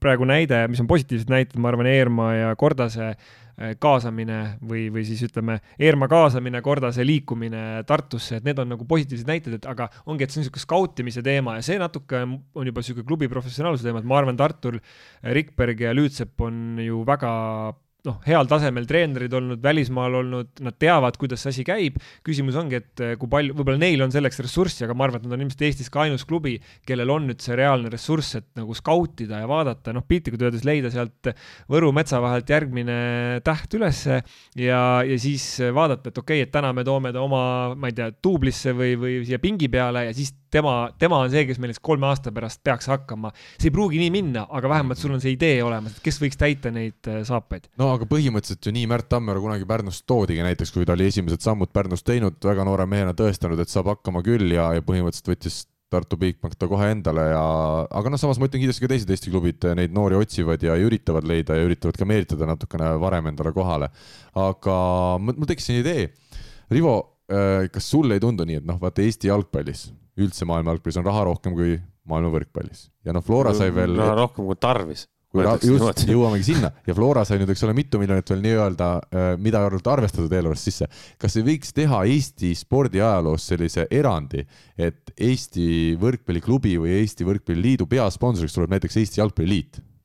või Flora äh,? Eesti võrkpalli toetab ei, Eesti Jalgpalliliit, see oleks ju päris hea. Karl, vaata nüüd äh,, täpselt sama teema, mis me ütlesime, et jalgpallis liigub hästi palju raha, onju siis seesama Benfica klubi on osa jalgpalliklubist. see on üks suur spordiklubi, see on sama nagu äh, Barcelonas on käsipallid, veepallid, kõik asjad koos. ja see jalgpall hoiabki natuke elus seda võrkpalli seal. no, no igal juhul ma arvan, et see on üks, klubil on äh, eelarved, jalgpallieelarve, aga kuskilt tuleb, nad saavad neid rahasid seal ümber liigutada ja nad saavadki teha asju, mida meie Eestis ei saa sest Eestis ongi see teema, et kui sul on äh, noh, ongi üks võrkpalliklubi, üks jalgpalliklubi, üks korvpalliklubi, siis ma ei tea, kas see oleks tehtav Eestis, aga kui need kõik panna kokku. kõik algab sellest, et äh, Eesti ühegi jalgpalliklubil ei käi äh, seal staadionil, ma ei tea, palju Lissaboni Benfical käib, aga ma eeldan mingi kakskümmend, kolmkümmend tuhat iga see, nädal. seal, seal ei ole isegi, seal ei ole isegi see, ma arvan, et selle, selle raha, see piletitulu raha, see läheb äh, kuskile mujale ma arvan, et seal on kogu klubi süsteemid, kõik need eurosarjade boonused, klubi noor, noormängijate müügid, kõik need asjad teenivad kordades rohkem, kui need publik, kes sinna staadionile tuleb. et see publikul on, see on nagu, nagu Amazonase vihmamets on ju, räägitakse, et toodab hirmsalt palju hapnikku, tegelikult see, ta sööb selle ise ära ka, sest seal on nii palju elu sees. siis ma arvan, et see staadion, selle üle, ülalpidamine ja see publiku raha, see läheb sinna staadionisse tagasi. Et see oleks nagu korralik, et oleks suu, kõik, kõik toimiks. nõus, et põhituluallikas on ikkagi teleõiguste müük ja, ja ütleme siis eurosarjas kuskile pääsemine, aga noh, see, see loogika, miks näiteks paljudes jalgpalliklubides välismaal on ka teised spordialad esindatud, seal ongi korvpall, käsipall, võrkpall, äh, võib-olla veel mõned äh, võistkonnaalad, et see, see on pigem selline noh, ta ei ole äriprojekt paljudel juhtudel, äh, noh, teatud selline rahaline kasu tekib sellest, et tehakse ühe brändi alt ühte asja ja, aga see on rohkem selline kogukonnatöö või selline sotsiaalne mõõde on seal taga, et, et sa teed nagu veel midagi jalgpallile lisaks. ja see on nii väike summa kokkuvõttes võrreldes selle jalgpalliga? ja see, see on suhteliselt väike summa, äh, aga et see on nagu rohkem selline kogukonnatöö, et see bränd on sul, see on, sul on nagu tuntud ja loomulikult teised spordialad lõikavad äh, siis ka sellest kasu, sest et noh, sa, sa saad nagu sellesama mütsi all teha ja seal tekib teatud ähm, noh, nii-öelda kulude kokkuhoid ilmselt ka mingid, mingid loogikad äh, nagu, nagu tekivad, et kust, kust nagu hoitakse kokku ja mingid sponsorluse nii-öelda ristturunduse võimalused mitme eri, erineva ala vahel seal tekivad ja seal on ka see, et, et natukene toetame siis nagu mis tahes nagu võistkonda, et seal need tekivad. Eestis on lihtsalt see, et jalgpalliklubid äh, Nad on, äh, nende eelarved on üldjuhul küll suuremad, äh, aga see vahe ei ole nii. pigem nad konkureerivad alad omavahel, eks ole? pigem, kas nad konkureerivad, aga ütleme, et kui me vaatame.... üle ei jää lihtsalt nii palju, et sa saaksid nagu ka. võtta mingisuguse ja, asja endale punti. seda ka, et, et äh, just, et meie klubid ei ole nagu regulaarselt edukad eurosarjast, kui, kui me teaksime, et üks-kaks klubi iga aasta saavad näiteks eurosarjast gruppi, alagruppi ja sealt hakkavad siis nagu tulema või et kohalik liiga oleks nii hästi üles ehitatud, et noh, meil on küll nii väike turg, et seda on väga keeruline ette kujutada aga et meil oleks siin mingisugused suured telerahad, et siis me oleme nagu hoopis teises olukorras, aga praegu ikkagi nagu korvpalli, äh, korvpalli, võrkpalli tippklubid ja jalgpalli tippklubid, et noh, seal on, eelarvetel on nagu vahe sees, aga nad ei ole nagu päris kosmos ja maa, nii nagu ilmselt on mhm. seal Benfica no, jalkaklubi ja, Benfica võrguklubi, onju ja, ja sama, noh, sama teema on ju, et tegelikult mida suurem on sul bränd, seda rohkem sa saad ka toetust, et sa ja, ja turuteema on ka, et noh, sa võid Eestis ju teha ühe super suure klubi FC Flora, kus on või, või Flora klubi, kus on sul korvpall, jalgpall, võrkpall on ju ja käsipall ja mis pallid iganes veel. aga sul ei ole müüa seda kellelegi lihtsalt, lihtsalt ei olegi noh võtame ette, meil Kahto küsib siin nüüd eurosarjaga seoses neli küsimust. Rivo, proovime sinuga need nii lahendada, et me vastame kiiresti ja konkreetselt, sest meil on tund saatest kulunud ja meil on veel palju teemasid ette võtta. mille poolest ületab Aleksander Eermaa Ronald Järve, et tema alustas põhikoosseisus ja mängis ka terve esimese mängu? kas puhtalt pikkuse pärast? see üllatas mind, kuna Järve on aastaid Tartu eest mänginud, et tema kokkumäng peaks meestega justkui parem olema, kuna Eermaa tuli nii-öelda viimasel minutil meeskonda. või Eermaa oligi juba ammu asjatundjatele tuntud talent, kes nüüd sai lihtsalt võimalusi ja ongi igas mõttes parem no Eermaa, ma arvan, on, on täna ikkagi nagu stabiilsem ja ohtlikum, et äh,. stabiilsem ka või? ma arvan küll, ma arvan küll. tema tõstekiirus ja, ja kõrgus juba, mille pealt ta tõstab. ma ütlen, kvaliteet on kõrgem, aga kas ka stabiilsus, stabiilsus? no ütleme siis kvaliteet, kui sulle nii rohkem meeldib, et, et äh, tõstekiirus, kõrgus, mille pealt ta tõstab, on, on kõrgem kui Ronil, on ju Ronni on väga kihvt vend ja väga hea võrkpallur, aga ma arvan, et Eermaa on, on täna temast juba mööda läinud, noh, Ronni paneb ka poole kohaga põhimõtteliselt, nii et mm.. küsimuse see teine pool oli siis see, et kas oligi Eermaa ammu asjatundjatele tuntud talent, kes nüüd sai lihtsalt oma võimaluse.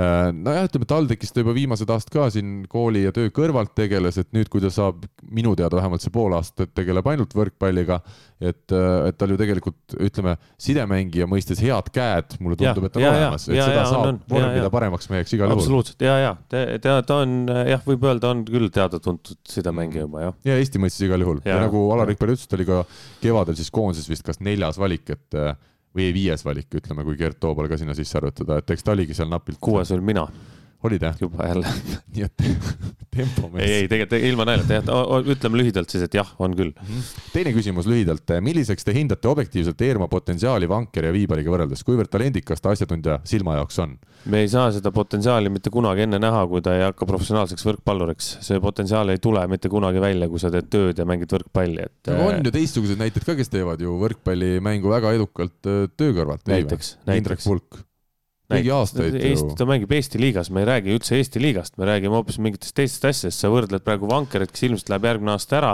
ma loodan, ja Viiberit, kes on juba Eestist ära, et me ei saa, me ei saa sinna minna. väidan seda, et töö ja töö on väga erinevad, inimestele sobib teist, ma, ma lihtsalt viimasel, ma ei tea, aastal hakanud aru saama, et ennem oli muidugi, oh, kui inimene teeb tööd ja mängib võrkpalli, noh, siis ta on amatöör, siis ta jääbki potentsiaali realiseerima. täna ma ütlen nii, et mõnele inimesele sobibki, kui ta käib hommikul trennis, vahepeal teeb kuus tundi tööd. Karl, Karl, Karl, Karl, sa lähed, sa lähed üldse praegu teise kohta, me, me, me räägime, sa räägid Eesti liigast. Noh. Eesti liiga, Eesti liiga ei ole tipptasemel liiga. me peame, see, see on kõikidele arusaadav, me ei räägi see no., see ei olnud see küsimus me läheme pikaks praegu. me vastame ära, ma vastan ära, maailmas ei ole. maailmas ei ole. pallimängualadel on tippsport, kes käivad näiteks ülikoolis, väga kõvas ülikoolis samal ajal, kui nad teevad tippsporti. ülikool on teine asi. ülikool on ka, sa ju õpid. ülikool on teine asi, ülikool on teine asi, absoluutselt teine asi. töö on töö töö juures on sul ülemus, kohustused, kõik asjad. ülikoolis sa õpid, teed oma asja, sul on oma graafik, kui sa oled seal ülikoolis, USA ülikoolis kergejõustik on ju. no see on teine asi. see on tipptasem, aga millisest ülikoolist sa räägid? no räägime Inglismaa mingid tippülikoolid, kus Nä, on. näiteks, näiteks. ma tean, et on läbi aastate näiteid. aga too mulle, too mulle üks tippsportlane, kes on tippsportlane maailmas. Kindlasti neid on, aga neil on teine graafik, neil on mingid teised asjad, kuidas nemad saavad oma asju teha. see ei ole, see, see töö on teine asi ei, ma olen sinuga kokkuvõttes nõus selles suhtes, et kui sa teed tippsporti ja tahad kaugele jõuda, siis mida rohkem aega sul jääb äh, trenni tegemiseks ja puhkamiseks, mis on ka hästi oluline, see soodustab sul heaks saamist, aga ei ole päris nii, et kui nüüd Eerma teeb näiteks poole kohaga tööd kuskil, siis on välistatud, et ta saab paremaks, et see no päris nagu üks-ühele ka ei ole nii, et kui sa natuke ei, mingit tööd ei, teed, siis no, loomulikult ei ole, loomulikult ei ole välistatud see, et ta saab paremaks, ta saab, ta saab igal juhul paremaks, nii palju, kui ta trenni teeb, nii palju paremaks saab.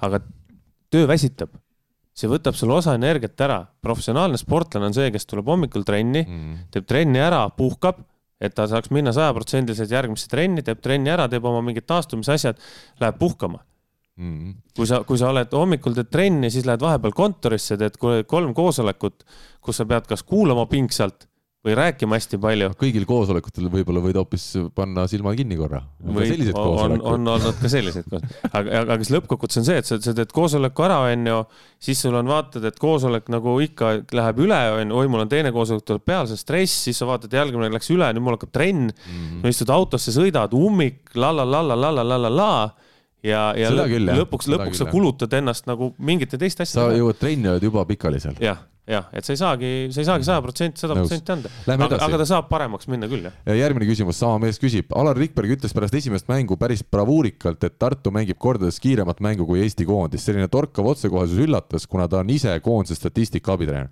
kuivõrd suur see mängukiiruse erinevus asjatundja pilguga, pilgul oli ja kas Rivo oskab selgitada, et mis põhjustel koondis siis mängis nii aeglast mängu? kas Senaard eelistab ka aeglast ja pikka tõstet või mängukiirus toodi lihtsalt ohvriks sidemängija pikkuse võitmiseks, no nii palju äh,, nii palju me ju teame, et eks Alar Rikbergil äh, tekkisid seal ka, no ütleme, noh, nii nagu võistkonna sees ikka tekivad peatreeneriga mingid asjad, millest, millega ta ei olnud nõus, neil on see treenerite tiim oli see ju ka väga suur ja tänapäeval ongi need koondistel need väga suured, et seal ei saagi olla nii, et, et nüüd kõik treenerid on peatreeneriga alati sada protsenti nõus, aga ma annan nüüd sõna sulle, mis see siis vastus ma ütlen väga lühidalt ära, et igal treeneril on oma nägemus ja, ja, ja ju siis Alar arvab, et peabki mängima kiiremat mängu ja kui ta Tartus seda tahab teha ja see õnnestub, siis, siis, siis on see treeneri poolt õige otsus kõik mm.. et ma üldse neid sidemängijaid mingit, miks nad sinna tõstavad, seda üldse hakkakski arutama, et no ja sina temporindajana kunagi ei saanud aru, miks üldse. mul oli kogu aeg väga peale. kiire, mul oli väga kiire.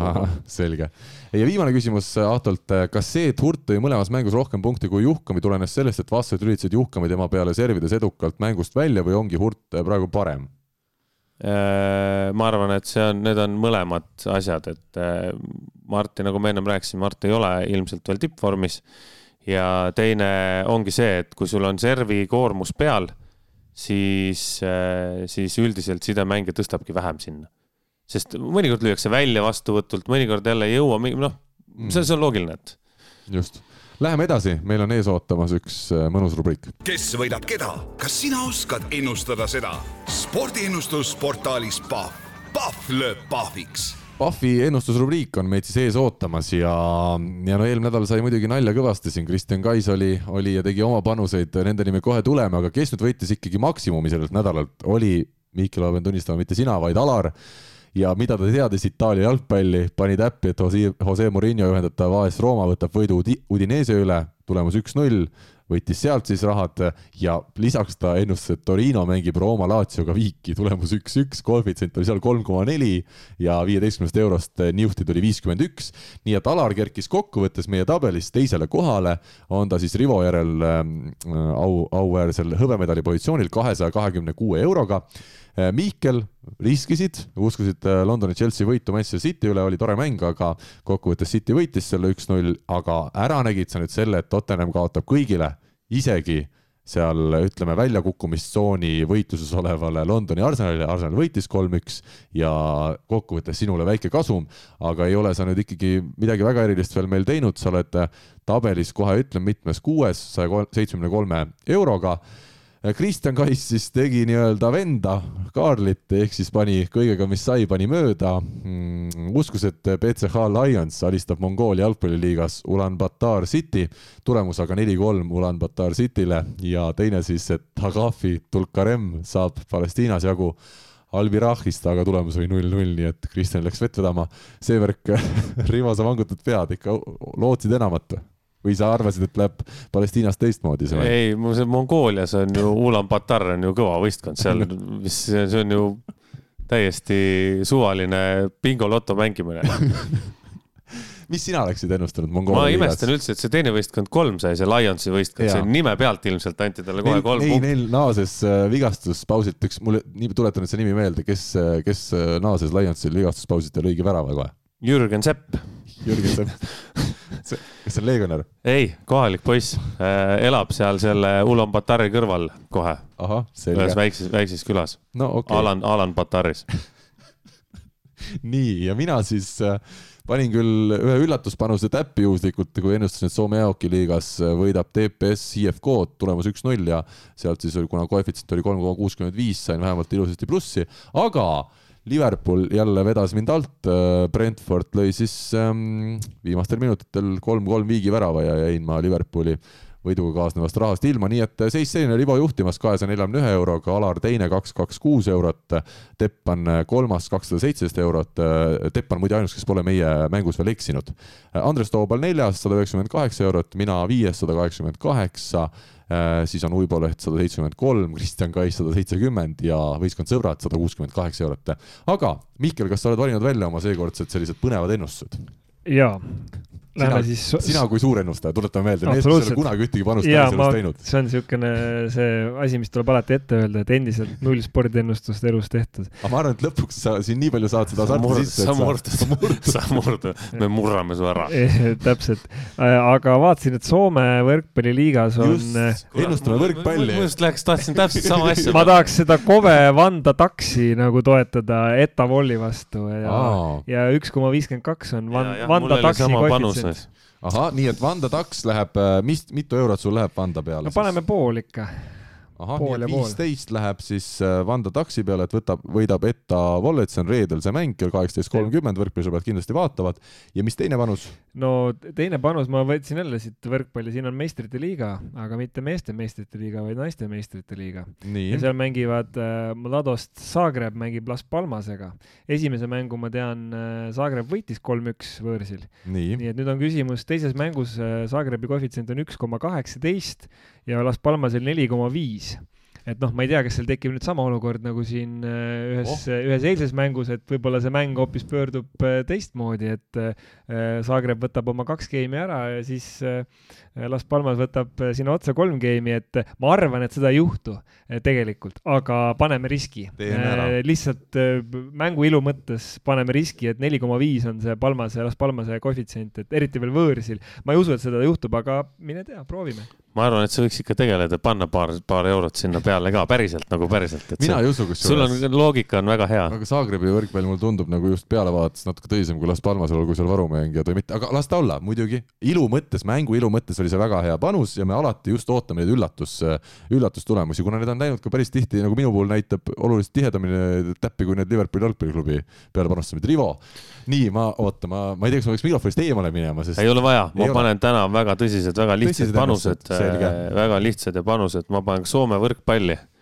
Savo Volle võidab Agat. Savo Volle koefitsient üks kakskümmend viis, Agal kolm kuuskümmend. pane sinna pool. nii. Ja teisega ma võtan, ma võtan ka äh, sellise pisikese riski. Venemaa Pro-liiga. ma ei tea, kas need on mehed või naised. võrkpall. võrkpall, et äh, E-, Empire Pro Empire Pro võidab Legion Prod. Empire Pro. selge see, et nad mõlemad on prod. Empire Pro koefitsient on üks kuuskümmend viis ja Legionil on kaks kaksteist. nii et Empire'i peale läks sul? jah, ja pane sinna ka pool. ei tulnudki midagi erilist ei, ei, ma nüüd ma juba hoian, ma hoian, lõpusirge on näha. kas sa hoiad ennast või sa hoiad teisi? ma hoian seda tulemust sealt, tiksutan lõpuni. no aga teeme siis äh, mängu huvides. ma tahaks ühe korra vahepeal öelda. ma ütlen, see sõprade võistkond, loomulikult neil on lihtne mängida, onju. see on nagu Riigikogu, Eesti riigi, riigivalitsus. Nad, ei mängi, nad ei mängi oma rahaga, noh. Nad mängivad mingi suvalise, suvaliste rahadega, onju, paneme sinna ja teeme Tallinnasse punased teed ja hakkame kõik ratastega sõitma. nii, väga hea, see poliitiline kommentaar, mis, mis valdkonna, mis tähendab piirkonnas sa kandideerid sel sügisel? Äh, Habertis, Habertis. ja mis su erakonna nimi on? Ma, ma saatsin, ma ei mäleta ise enam. Mingi liiv... liiva, Liiva erakond, Liiva erakond. ja minu valimisnumber on üks. Nii et hääletage kõik minu poolt. selge.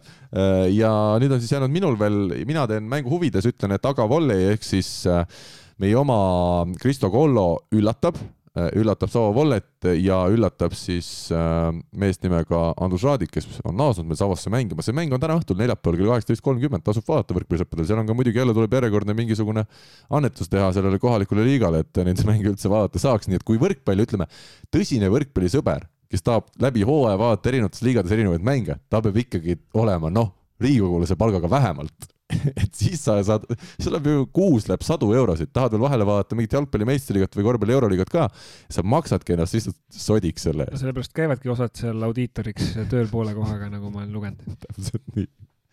aga mina siis ütlen, Aga Volley võidab, ma panen sinna peale kümme eurot. teeme põnevalt, Aga võidab kümme eurot.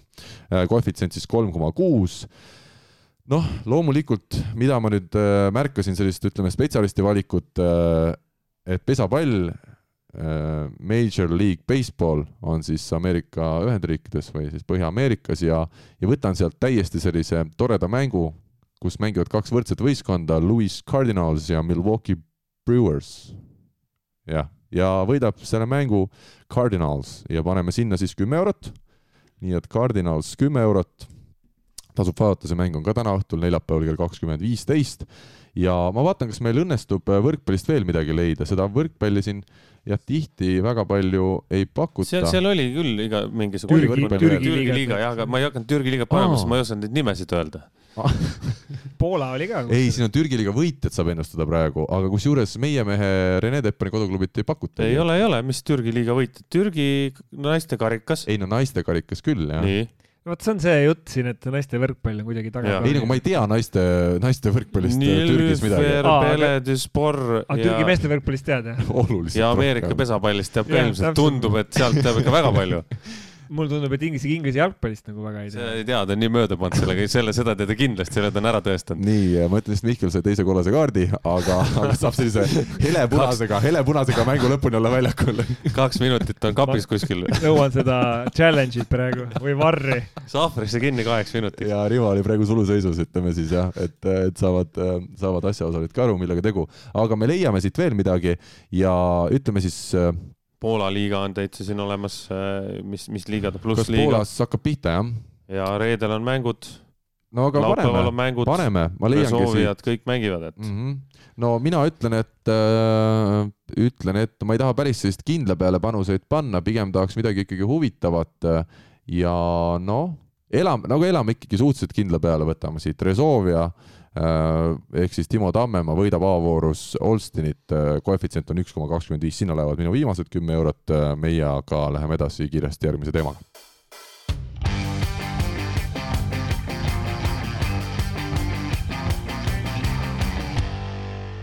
Ja nüüd siis äh, eelvaade algavale võrkpallihooajale, siis peame silmas kodust võrkpallihooaega. Nii meestel kui ka naistel nädalavahetusel mängud käima lähevad.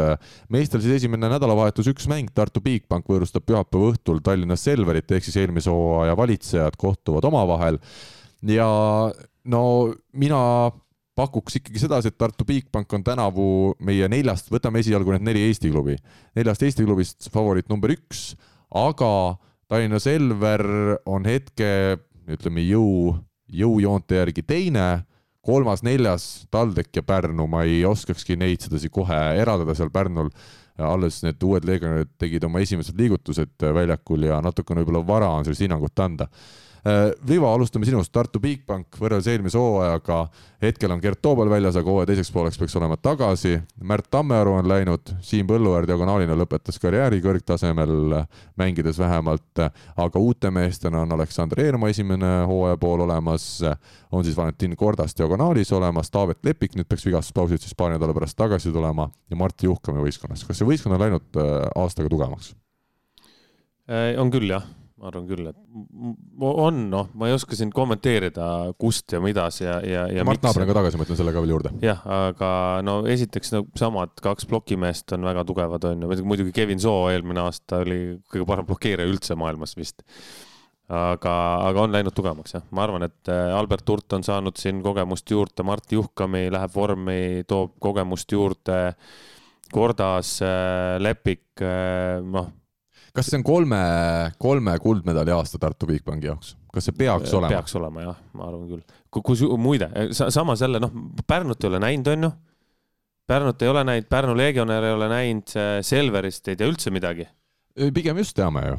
seal on ainult üks uus mees, see Kanada nurgamees, ülejäänud on kõik samad, keda me teame juba. On sealt üllatusi ütleme ei tohiks tulla. keegi peaks veel tulema sinna Äh, või ma sain millestki no, valesti Timo aru. Lõhmus on diagonaalis nüüd olemas, sidemängijad, mina saan aru, Renat Vanker ongi esimene sidemängija, peab ju olema igal juhul. ülejäänud on sama jah Jaa, okei okay,, siis, siis siis on enam-vähem teada, et, et äh, diagonaalründaja koha pealt on kindlasti jäänud Selver nõrgemaks, et Rene Teppan läks ära. Timo Lõhmus teda kindlasti asendada ei suuda praegu, Mihkel Nuut samamoodi ei, ei ole kindlasti sellel tasemel ja ma arvan, et eelmise aastaga võrreldes on ikkagi Selver, Selver jäänud nagu kõvasti nõrgemaks. Äh, jah, ma ütlen no ühtpidi nagu Kollo nõus. no aga võtame, ütleme jah, Raadik, Kollo ja Teppan on läinud, aga teisalt on meil juures see Kanada mees, kes esimese, ütleme, esimeste näitude põhjal on hea mängumees korraliku hüppega, ma ei tea ta vastuvõtust, see kõik selgub, aga tundub, et nad on selle valikuga pigem pannud täppi. ehk siis ma julgen öelda, et nurgaründaja positsioonil on see kukkumine võib-olla imepisikene olnud ja millega ma olen nõus, et Teppan ikkagi heal päeval on jah parem kui Timo Lõhmus, kes nüüd tema asemele toodi, aga, aga samas ma ei ütle, et, et see võistkond meeletult kehvemaks oleks läinud. Vanker on jätnud nüüd selja taha EM-finaalturniiri, ma usun, et ta on natukene kogenum, temporündajad, noored mehed eesotsas Mark Saruga on jälle aasta võrra tugevamad, et me ei saa ka öelda, et Selver oleks nüüd täitsa mingi kööbakas võistkond sel lool. ei, ei saa küll, aga kes on, kes on äh, varumees, nurgaründaja? Äh, no nad üritavad alguses Deniss Losnikoviga, ma soovin Denissile palju edu ja jõudu, ma arvan, et lõpuks ta on ikka Vahtras asemel äh, libero jälle. aga kes on nurgaründaja? Mart Toom on võistkonnas. kes on, kes on kolmas nurgaründaja, kui midagi juhtub, on minu küsimus seal ei ole, seal ei ole sellise tasemega nurgaründajat, keda sa saaksid vahetada. kui kellelgi seal nüüd midagi välja ei tule või tuleb välja, et see Kanada mees ei ole, ei ole nagu päris see või ei vea siin liigas välja, siis eh, selle koha pealt tuleb auk sisse ülejäänud jah, ma olen nõus, et, eh, et nii palju nad kukkunud ei ole, aga ma just kardan sedasama nurgaründaja koha pealt no ja aga samas meil on Tartus samasugused probleemid, et kui meil saab Lepik uuesti näiteks vigastada, siis ei ole varumeest võtta. kui meil Toobalit ei ole, siis on noh, selgelt ikkagi Keerma ja Järv on veel täna klassi võrra madalama mängutasemega kui, kui Toobal, et et eh, see ei ole ju ütleme, Eestis ongi nii, nagu me juba tänasest saatest oleme rääkinud, ongi ühe kuuiku jagu mängijaid reeglina võistkonnas. Jah, seda küll jah, jah, ütleme siis äh, enam-vähem võrdsel tasemel äh, mängijaid. aga nüüd on huvitav see kolmas-neljas, ütleme meie eelduste mina, ma ei paneks, mina ei paneks, ma, ma ei paneks üldse neid seal, mina ütlen, mina ütlen täna nii, Tartu või peaks võtma kolm tiitlit see aasta äh, kuigi näiteks Pärnu tea, nendest meestest ei tea ka midagi. jõuame sinna kohe. jah, aga mina, mina paneks need kolm võistkonda siis teise koha eest võistlema, võitlema. Okei. Okay Äh, Miikel, ma küsin vahele sinu arvamust, Tartu Bigbank, Tallinna Selver, kas sa, kuidas sa need jõujooned siin ära jagaksid äh, hooaja eelsete teadmiste põhjal? praeguse seisuga paneks ikkagi kõvasti Tartu peale ja see, see, mis sa ütlesid, et kolme tiitli aasta, jah, see on hetkeseis. esiteks, jõulud on kaugel, kui on esimene tiitel ja kevad on veel kaugemal.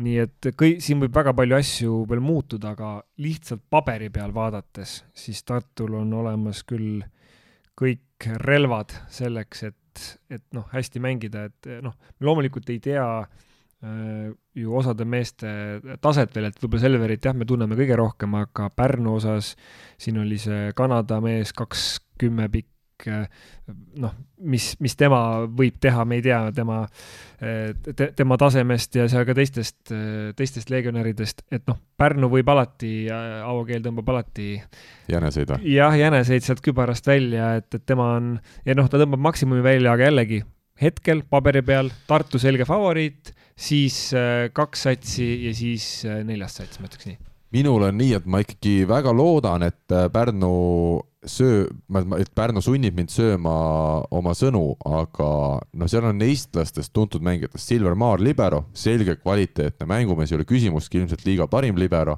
Äh, Markus Uuskari siis on diagonaaliks toodud, noh, selline Eesti mõistes ikka korralik mängumees, aga kui me vaatame nüüd juurde, nurgameestest peab Toni Tammiksaar kindlasti väljakul olema, Richard Voogel hetkel esimene sidemängija, jätkuvalt Richard Vogel väga-väga tore ja, ja kihvt mängumees, aga hetkel veel mitte piisavalt hea, et võidelda näiteks Eestis finaalikoha eest minu hinnangul sidemängijana. Äh, juures on Tom Schwanz temporündajana väga kvaliteetne mees, nüüd see uus ukrainlane Žukov, vähemalt klubi mänedžeri äh, Reio Tilga sõnus on, on ikkagi kvaliteetne, ennast juba välismaal tõestanud mees, ehk siis peaks nurgas hakkama saama. kui Reio Tilk ütleks mõne oma toodud mängija kohta, et ta on ülihalb, siis oleks ka väga imelik. ei, aga ta kusjuures vahel ütleb nii. ei, ta vahel ütleb küll, aga noh, minu jaoks jälle, ega see Žukov ka eelmine aasta mängis Lakkapäevas Soomes siukses noh, mitte midagi ütlevas klubis. Äh, et no ta ei ole nagu ka ennast nüüd kuskil välismaal kõvasti tõestanud, aga no esmamuljed pidavat olema ka head, loodame parimat aga ma nüüd, nüüd Reio kaitseks ütlen ka seda, et tõesti Reio ütleb aeg-ajalt, et noh, päris nagu see ei ole, keda tahtsime, et, et ta on selle koha pealt. suht adekvaatne tegelikult. väga adekvaatne ütleb ausalt välja ka, et. et see kahesaja kaheteist sentimeetri või kahesaja üheteist pikkune Kevin Lebrou, kes toodi siis Kanadast, kes on mänginud sellises võistkonnas, mida kanadalased ise nimetavad mingi võrkpalliakadeemia võistkond, mis siis harjutab, kes nendest mängijatest on koostatud, kes ei ole siis välismaale mängima profilepingu peale saanud, kuna me teame, Kanadas ja USA-s jätkuvalt ei ole kummaski siis sellist profiliigat, eks kui sa ülikoolis ei mängi, sul ei olegi justkui kohta kodumaal. et tema on nüüd toodud äh, ja, ja ütles ka Reio, et tõesti, see on nüüd mees, kes toodi võistkonda selle eest, et tal on elamine, tal on söök, tal on paarsada eurot seal ka veel peal, noh, täpsed numbrid keegi muidugi ei avalikusta, aga noh, selge on see, et ta ei teeni seal tuhandeid eurosid, eks ole. Ja et tal on see mängurõõm ja võimalus ennast tõestada. Euroopas, ütleme siis nii, et jääme natuke silma, jah. et, et see on selline mees, aga noh, tema peale ta suuri lootusi ei pane, et pigem on Žukov see nurgas see mees, kes nüüd peaks võistkonda hakkama vedama. et noh, see võistkond on täna ikkagi niivõrd poolik kolmas temporündaja, Kristo Joosep Peterson, väga, väga andekas mees minu arust, Audentse spordigümnaasiumis õpib, treenib. Tema on kolmas tempomees ja tema käib igapäevaselt Tallinnas koolis ja, ja trennis, et tema saab ainult siis aidata, kui, kui siis peaks kuidagi need mängud klappima tal esiliigaga, nii et, et ta saab sinna meistriliigasse tulla. Ja... ma arvan, ma arvan, et ta ikkagi pigem äh, on seal meistriliiga võistkonna juures. ei ole ei ole pigem on ta ikkagi audentsus igapäevaselt, no kui ta koolis käib ja ei, õpib, seda no küll kuidas ei, ta ma mõtlen nagu mängudel, mängudel, mängudel no ja see, selles mõttes, kui sa võtad koosseisu Tammiksaar, Šukov, Švans, siis äh, Lebreu, Voogel, Uuskari Ja ja, Maar. Maar, noh, et see ei ole ju, see on täitsa okei okay, tiim, aga jällegi oleneb, kuidas see Kanada tüüp mängib, onju, oleneb, muidu, muidu ta on, teoorias, on nagu jah, jälle paberi peal, nagu sa ütlesid, et on väga okei võistkond. jah, et selle, selles mõttes, aga noh, kui me paneme siin nüüd nagu Tartu kõrvale, noh, võtamegi Rikberg versus Maar, noh jah, mõlemad on head, aga ütleme, eeldame võib-olla, et, et Rikberg on oma kogemustega Maar oma, ma ei tea e no Maar on täna ikka natuke parem, ma no arvan. ta on, aga ütleme, et seal ei ole mingit väga suurt vahet. Ei, seda küll, jah. siis äh, võtame siin Uuskari versus äh, Kordas. Kordas. No ma ütleks pigem Kordasele, ikka. siis võtame temporündajad. aga no ma, ja, ma noh. parandan ennast jälle, et ei, Uuskaril on ka häid päevi, et Kordas ei ole mingi imemees. aga ütleme, et seal ei ole ka nagu väga suurt samas on jälle Kordasel halbu päevi, nagu me just nägime. et seal, seal pole seal pole ilmselt väga suurt vahet, aga kui, siis ma ütleks pigem Tartu kasuks, noh, tempomehed ma annaks ikkagi selge eelis selge Tartule eelise. Tartule si,, sidemänge ma annaksin eelise Tartule, ükskõik, kas seal mängib Eermaa igal juhul, igal juhul või, või, või Järv, Järv ja nüüd siis on Žukov Tammiksaar versus siis Hurt ja Juhkam, siin on väga suur vahe Tartu kasuks. et noh, jah mm. -hmm. see on, see on, aga see on paberi peal, aga, aga ega paberi peal, no Tartuga me paberi peal ei saagi ühtegi võistkonda täna võrrelda. kui me paneme, kui meil oleks need eh, niinimetatud nagu jalgpallis ja korvpallis igal pool on need siuksed mängijakaardid onju mm. -hmm. mida lapsed saavad vahetada ja müüa ja osta ja vahetada nätsupaki seest saada onju, siis ma arvan, et neid eh, kolme poole ja nelja tärniga ja nelja poole tärniga mängijaid on Tartus kõvasti rohkem kui teistes aga võistkondades. vaata, Fifas on see, me oleme ise ka seda igal pool lihtsalt pritsib peale, on need jälle FIFA uus mäng tuleb peale, siis on alati arutelu, et mis mängijad, mis äh, nii-öelda äh, punktid on saja punkti skaalal. korvpallis samamoodi. no jaa, aga ütleme Ronaldo ja Messi on sul üheksakümmend kolm kuskil midagi sellist.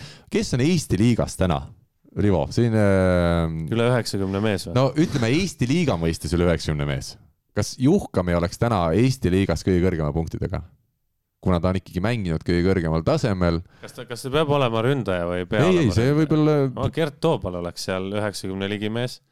nii, no Albert Hurt on kindlasti juba. Hurt on seal, no Juhkame on seal, ma arvan, nad on kõik seal kaheksakümne viie, üheksakümne vahele kuskile. aga kes on kõige, ma arvan ikkagi Juhkami täna ilmselt sellises mängus pandaks kõige kõrgema skooriga meheks. jah, noh, vaadates, kus ta mänginud on, mis liigasid ta mänginud on, mida ta teinud mingi on. kvaliteedi näitabki see kokkuvõttes ära, jah. jah, selge, selline huvitav, seda võiks täitsa teinekord pikemalt arutada. eh, teema, jah. nii et head kuulajad, küsige keegi seda meilt, siis me kindlasti siis arutame. tegelikult oleks äge panna, panna välja kasvõi küsijad, Jah. kuulajatel küsimus, et võtke, kellel on võimalus, vaadake näiteks kasvõi NBA mingi mäng, seal on ilusasti näha, mille järgi on antud mängijatele punktid ja pange meile igaüks, ütleme top kümme mängijat ja pange oma sinna punktid taha, kes täna Eesti liigas mängivad. siin tuleb jälle lapsepõlv meelde, et äh, mäletan teismelisena või varateismelisena samamoodi need olid need korvpallikaardid olid, olid väga teema. ja käies võrkpallitrennis, ma mõtlesin, et miks ei ole võrkpallikaarte mm. ja mis siis lahendus oli siis äh, ma, mina joonistada ei osanud, tol hetkel ei olnud ka kuskilt nagu pilte saada, siis ma tegin, ma mäletan, ma lõikasin papist välja sellise kaardi, siis ma üritasin teha sellise nagu mänge profiili sinna peale, siis ma palusin oma toonasel pinginaabril joonistada äh, nagu see noh, see, see pilt sellest mängest sinna, et see nagu paarist kaardist kaugemale ei jõudnud, aga vähemalt mul tahe oli seda teha, nii et, et siuksed helged mälestused. oota, aga kas see nägu oli ikkagi selle mängija moodi ka või pigem aga kes see mängija oli, kas sa mäletad ka? ma mäletan väga hästi, sest et toona mängis minu treener Alar Kaljumäe mängis Tartus oli selline võistkond nagu äkki see oli kas Olerexi nimeline võistkond, toona oli Tartus kaks meeskonda ka kõrgliigas, et siis üks oli Ösel Foods ja teine oli Kolereks. alustasin oma treenerist, oma treeneri joonistamist, aga see, mis mu pinginaaber joonistas, see ei olnud üldse nagu äh, Kaljumäe moodi, et ütleme nii, et si- sinna taha see asi nagu jäigi, et ma arvan jällegi tänapäeval siukest asja teha nagu nii-öelda mm. -hmm. kui kellelgi silmad silmad säravad ja tahet on, siis tegelikult Juhkam ise tegi eelmine aasta, kui meil oli mingisuguse- Eesti see tähtsamad mängud olid jõudnud, siis ta panigi mängijate nagu juurde need vanus ja pikkus ja vist ma ei tea, kas midagi punktide tooma. Ja kvaliteet oli seal jah, see oli mingid statistika oli ka. mingid olid asjad jah. aga minul, mina mäletan, mul ka noorus, ma pean rääkima, et ega Mihkel ei ole ainus, kes on noorena spordifänn olnud, minul on siiamaani oma vanas kodus äh, suured mapid, kus olid Eesti korvpallurite erinevad kõik klubid ja mängijad, mis ma olin siis kõik ajalehtedest välja lõiganud ja kleepinud sinna siis või liiminud õigemini sinna siis sellesse kaustikusse, need on mul on suured kaustikud, seal on, ma ei tea, Aivar Kuusmaast on kindlasti mitte ainult üks nagu leht, vaid mingi neli-viis lehte, kus on erinevad pildid, mis ta on erinevatel hooaegadel, mingi statistikat kuskilt üheksakümnendatel õnnestus välja otsida. et äh, aga võrkpallist muidugi jah, tol hetkel ei ole mul Alarist ei seda joonistatud pilti ega päris pilti kuskil. Aga siit see mõte on iseenesest hea, et noh, näiteks kui siin juba hooaeg on käimas, et tegelikult mingi hetk võttagi ette näiteks positsioonide kaupa, kas yeah. saame võtta noh, neli Eesti klubi või siis ka üldse kogu Balti liiga, nii palju, kui me oleme siin näinud, et Eesti klubidel ilmselt on see rõhk, et natukene võrrelda, et mis see, mis see tase nii-öelda näiteks positsioonipõhiselt on. ja, ja teha selline kasvõi meie oma siin seltskonna või saate raames pannagi reitingud mängijatele. jumala huvitav oleks. iga kahe kuu tagant muudame edetabelit. niikuinii ja... pooled ei ole rahul ja pooled ja. Äh, on natukene vähem mitte rahul, aga, aga on niisugune huvitav arutelu jälle tekiks. seda me saame küll teha, ma arvan, selle taha. aga mis see küsimus oli? küsimust ma mäletan, me arutame siin võrkpalli teemadel riva. hoopis teist me, meil on üks klubi arutamata ja see on TalTech ja see TalTech on, ütleme, Tartu on müstika, aga veel müstik, müstilisem minu jaoks täna TalTechi klubi, sellepärast et äh, ma olen sinuga täiesti nõus. TalTechi, no aga TalTechis on ülivahva punt kokku saanud. seal on Kevin Saar, Rauno Tamme nurkades, lisaks siis Rasmus Meiusele, kes juba eelmine aasta hästi mängis nurgas. diagonaalina on Mattiš Middle tagasi Tšehhimaalt, kes Selveris kaks aastat tagasi super hästi mängis. Äh, noh, sidemängija Martti Keel ei ole ka tundmatu mees. Äh, temporündajad, okei okay,, võib-olla natukene, eks ole, kehvem on seal nüüd seis kui eelmisel aastal. Libero, kes, kes seal temp tempod on? no üks torn on seal, sõna otseses mõttes, Remo on eesnimeks tal ja ma ei tea, kas Perillus on siis teine, teine tempo vist? Perillus oli eelmine aasta ka päris okei okay., aga Popman ja ei. Popman on vist kuhugi juba parematele jahimaadele läinud. aga, aga ühesõnaga, et see, kui kehvasti see meeskond, ma vaatasin seda mängu, mis nad Selveriga nädal tagasi mängisid, kontrollmängu, see oli ikka kehvasti mängitud, no seda kokku mängu üldse ei olnud. ja nüüd siis äh, eile õhtul kontrollmäng äh, Äh, Pärnuga ma olen nõus kõigiga, et see ongi kontrollmäng, seal peabki proovima, et see ei näita kokkuvõttes suurt midagi. no aga, aga see ikkagi ju midagi näitab, kui meil, kes seal eksis, Kevin Saar vist eksis no nii palju, et ma ei ole, ma ei ole ei ametlikus ega mitteametlikus mängus näinud kedagi nii palju eksimas. kas ta sai siis ka väga palju tõsteid või? No ma ütlen ära, et rünnak läks seitse korda, vastutul neli korda, servil kuus korda, et kui meil tuleb mees, kes on mitmed aastad mänginud välismaal, okei okay,, viimane aasta Küprosel, ma saan aru, see oli rohkem vist nalja tegemine. seitseteist viga jah, aga, aga noh, ta üle-eelmine aasta mängis Prantsusmaa tugevas teises liigas ja oli seal ikkagi põhimees, et, et ei saa öelda, et ta oleks ilma kvaliteedita mängija, et, et praegu tundub, et täiesti on kuidagi tema mäng äh, liimist lahti. Äh, mis oli huvitav, no Schmidl on selgelt ülekaalus, nüüd see eilne mäng vähemalt kakskümmend punkti pluss kaksteist, enam-vähem oma tegi vähemalt suures plaanis ära, aga no ei voola see mäng ja sidemäng ja Marti keelega vist ei toimi veel kellelgi koostöö, et. no ei ole midagi, selles suhtes see, see võistkond on väga huvitav väga,, väga-väga huvitav, et päris noh, ma ütlengi nende sama kahe mängu. et ta on heal päeval, ta võib võita Tartut nagu, ka. nagu negatiivseks ja. minna, et ta on, ta on. ei no aga huvitav on sellest rääkida, seda huvitavam on see, kui nad nüüd lõpuks panevadki Tartuga kotti. ei tea, millal nad hakkasid trenni tegema. no aga mis sellest, kas sa tahad öelda mulle, et Marti Keel on kuidagi hooaja algus peab olema temal raskem kui Richard Vogel, kes oli eile vastaspoolel siis väljakul no,? ma arvan küll, noh, ma, ma arvan küll, seal on vanusevahed ja pered ja, ja kõik teised asjad, noh, et kui üks, üks mees saab jälle keskenduda rohkem ühele asjale, Richard Vogel on ju tõstab, tõstab, tõstab, tõstab, tõstab, tõstab, tõstab mingitele meestele seal, siis Marti teeb hommikul tööd ja õhtul läheb, tõstab.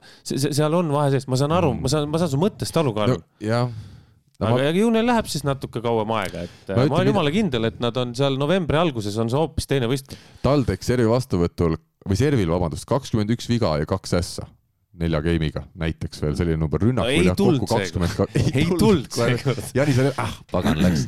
Äh, mis on minu jaoks, ma ütlen, kõige suurem küsimärk või no ma ei tea, kas see kõige suurem on. meil on kontrollmäng, kontrollmäng on, Pärnu ja TalTech mängivad ja äh, no TalTechil on isegi mitmed nimekad mängijad, Jan, noh, see ikkagi meistriliigas, keda me oleme vähemalt kuulnud juba, Mihk või vabandust, Jan-Markus Üprus, Kaur-Erik Kais, Markus Maila, äh, Karmo Saviok, ütleme, ma tunnen ta tänu rannavõrkpallile. mehed ei saa kontrollmängus, mis on täiesti ebaoluline tulemus, ei saa sekundikski platsile.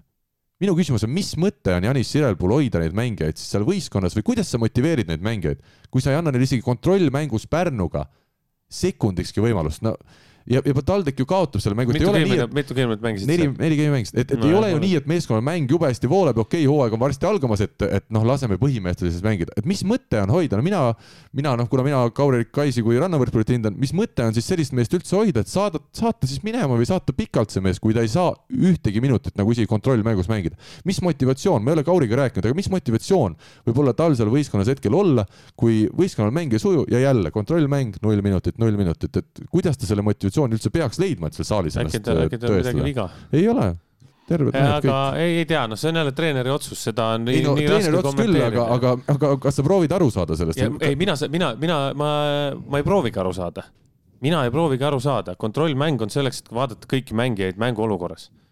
Ta on teise, teise kvaliteediga mäng niikuinii, kui võistlusmäng, pinget ei ole ikkagi nii palju. meistrite liigas on... paneb Alar Rikberg varumehed mängu siis, kui on edasipääs kindlustatud, aga kontrollmängudes Eestis omavahel mängivad ei panda varumehi mängi, ei pannud No ka jah. Aavo Keel Pärnul seal kahte meest väljakule. ma olen, olen sellega olen nõus, et, et seal võiks anda, et, et ega see, ma ise tean täpselt seda noor, noormängija või mäletan No veel täpselt seda noormängija asja, et, et seal iga minut, iga sekund väljaku peal on ülitähtis ja, ja, ja selle, selle asja juures on kõige nagu see, sellest mängust ei loe mitte midagi.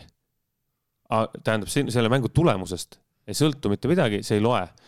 aga see, kui sa annad talle selle ühe geimi mängida, sul võib-olla kahe kuu pärast läheb seda meest vaja. korra vahetusest sekkudes kasvõi ja siis hea. on. seda aega tarvis, selle jaoks on seda aega ja tarvis. üks asi veel, okei okay,, ma saan aru, te mängite nii-öelda võidu peal ikkagi kontrollmängu, selge, ei taha kasutada, aga neil oli neli geimi, aga mängige siis viies game kasvõi viieteistkümneni, leppige kokku, et need mehed, kes on sealt Pärnust ka kaks tükki vist kaasa tulnud, ma vaatan statistika järgi, Markus need- Kohtla ja Christopher Rünt, et nad päris nagu mõttetult ei tulnud sinna kaasa, et las nad mängivad kasvõi viieteist punktini ühe game'i seal nende TalTechi varumeestega, läheb see mäng viisteist minutit kauem, kokkuvõttes midagi ei juhtu, aga nendele meestele on see nii suur asi ju.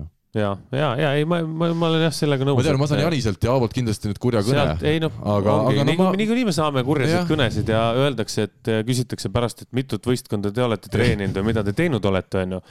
aga see on ka minu, meie arvamus, et, et kui sul on see aeg ja kui sul on see võimalus, siis anna neile noortele mängida. mm. -hmm. ma tahaks TalTechi kohta seda öelda, et äh, nende no, nende positsioon äh, on äh, selles mõttes väga hea, et on Tallinna võistkond.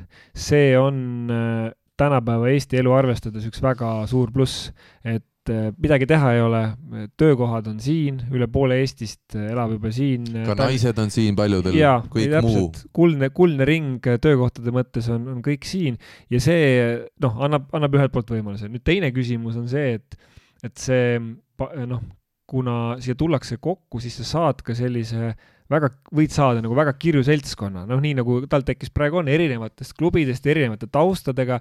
nüüd selle kokkusulatamine on üks asi, teine asi ka need äh, nagu vastutused või ambitsioonid, et kui sa oled selle klubiga nagu pikaaegselt seotud ja sul on mingi, sa oled kuidagi kasvanud siit, siis sa tunned ennast rohkem selle osana. aga praegu on ka see, et jah, et võib-olla mõni, sa ütlesid, mõni, võib-olla mõni solvubki selle peale, kui ta mängida ei saa, võib-olla mõnel kaob tuju ära, et ehk siis sellise nagu, ma ei tea ähm,, kokku klopsitud on nagu vale sõna, aga ütleme sellistest erinevatest osadest koosneva äh, pundi nagu äh, käimasaamine, kooshoidmine on hoopis midagi muud, kui sul on nagu ütleme noh, näiteks Tartu näitel sul see Tartu klubi juba iseenesest on noh, mingi ajalooga, ja- mingid sidemed, noh, seal on ka ütleme profimängijaid, et, et aga selles mõttes see, see stardipositsioon on hästi-hästi hea äh, TalTechile, et äh, noh, ta tahaks küll seda regionaalset äh, nagu esindatust erinevatest linnadest, aga reaalsus on see, et Tallinnasse tullakse nii palju õppima, elama, töötama. jah, no Pärnu puhul me näeme iga aasta üha paremini tundub, et noh, nagu ütlebki Reio Tilk, et nad käisid põhimõtteliselt kõik Eesti liiga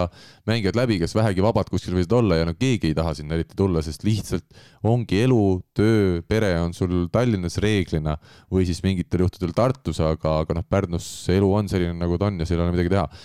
teeme ennustuse ära, ma, ma Rivo küsin su käest, esinelik Eesti meistrivõistlustel, Eesti meistrivõistlustel kevadel, kuidas sa täna tunned, kas võib-olla see tuleb esiviisik, kui ikkagi Saaremaa, noh, Tartu, Pärnu, Selver ja TalTech. selge, Mihkel? Ma arvan, et sama. Võib-olla vahetaks ära Selveri ja Pärnu omavahel. mina ütlen ka tänase, tänaste jõu, jõunäitajate järgi, et kui siin nüüd suuri jah, muutusi ei toimu, Tartu Bigbank esimene, Tallinna Selver teine, mina ikkagi ennustan TalTechi kolmandaks ja, ja Pärnu neljas.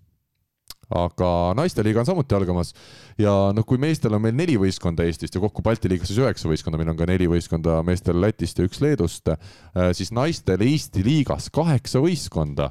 nii et selles suhtes on pidu lahti läinud ja noh, siin on põnevust küll ja veel, hooaeg algab siis ütleme selliste tähtsamate mängudega juba reede õhtul ehk homme õhtul, kui Eesti karikavõistluste kaheksandikfinaalis, kaheksandikfinaalis lähevad vastamisi kaks Eesti tänavust tippklubi Tallinna Ülikool Kikas ja Tartu Ülikool Bigbank. mina tean, mida arvatakse Tartus sellisest loosist.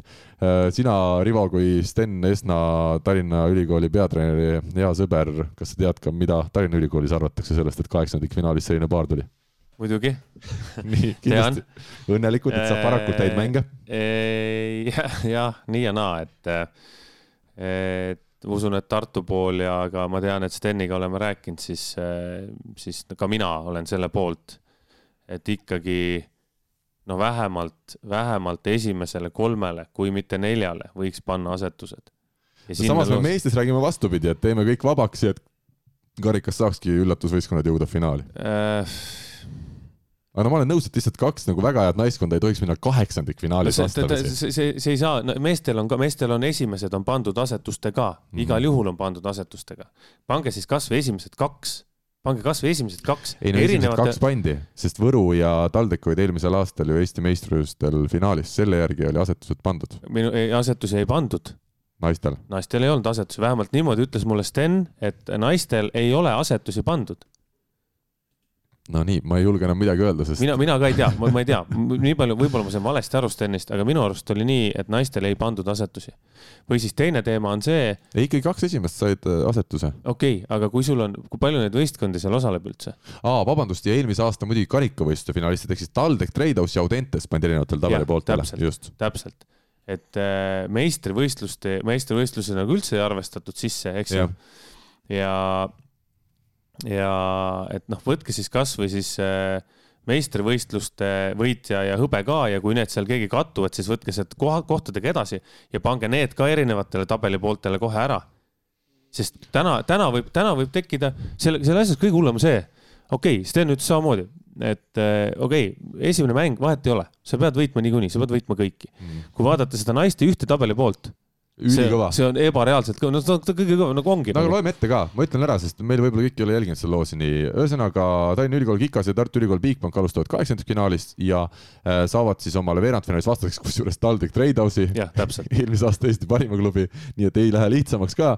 ja teise siis veerandfinaalis selles tabeli pooles võr, äh, moodustavad Võru võrkpalliklubi Parrus ja Tartus on nüüd uus klubi, mis siis ka meistriga liitus, ehk siis Võru ikkagi võtame siit on ka tugev, tugev sats kokkuvõttes. ja teisel tabeli poolel on uustulnukad meistriliigas esiliiga klubid ja siis Audentes, nii et Audentes, kui nüüd imet ei juhtu, Audentes on finaalis äh, peaks olema küll, samas on jälle Audentese võistkond selline, nad on noored, nad kindlasti arenevad. Nad on kehvemad kui eelmine aasta. Nad on kehvemad kui eelmine aasta ja kui, kui seal näiteks noh, mõne põhimängijaga kuidagi keegi peaks, jääb, ütleme, jääb koroonasse juudes mm, -hmm. mis iganes haigusesse, et äh, või tuleb mingi vigastus, loodame, et seda kindlasti ei tule, siis kui võtta ära sealt näiteks üks põhimängija, siis see võistkond on juba nii palju nõrgem mm. -hmm. ja, ja kõige hullem, absoluutselt kõige hullem sellise situatsiooni juures on see, et me teeme ägeda turniiri, me teeme super karikafinaali, eelmine aasta oli jumala äge noh, kõik oli jumala hästi tehtud ja siis me näitame teles mängu kus üks võistkond lihtsalt äh, võidab kakskümmend viis, üksteist, kakskümmend viis, kümme ja, ja sellega me populariseerime naiste võrkpalli no,. eelmine aasta oli paratamatu, kuna meil oli üks võistkond lihtsalt komplekteeritud koondise põhjal. sel aastal sama ei ole. jaa, aga eelmine aasta oli vähemalt midagi seal finaalis toimus, onju.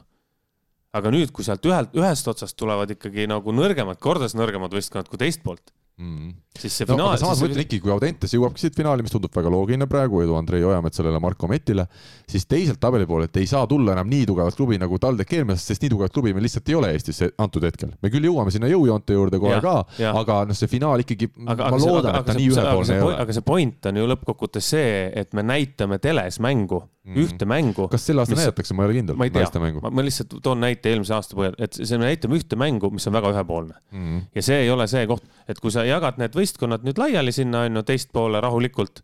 Äh, Eesti, noh, nagu ma ütlesin, näiteks üks süsteem, paned need sinna, ülejäänud loosid ja, ja. ja siis juba juhtub nagu juhtub, sul on igal pool on, mõlemal pool on vähemalt kaks tugevat, kes lähevad siis omavahel kokku poolfinaalis ilmselt.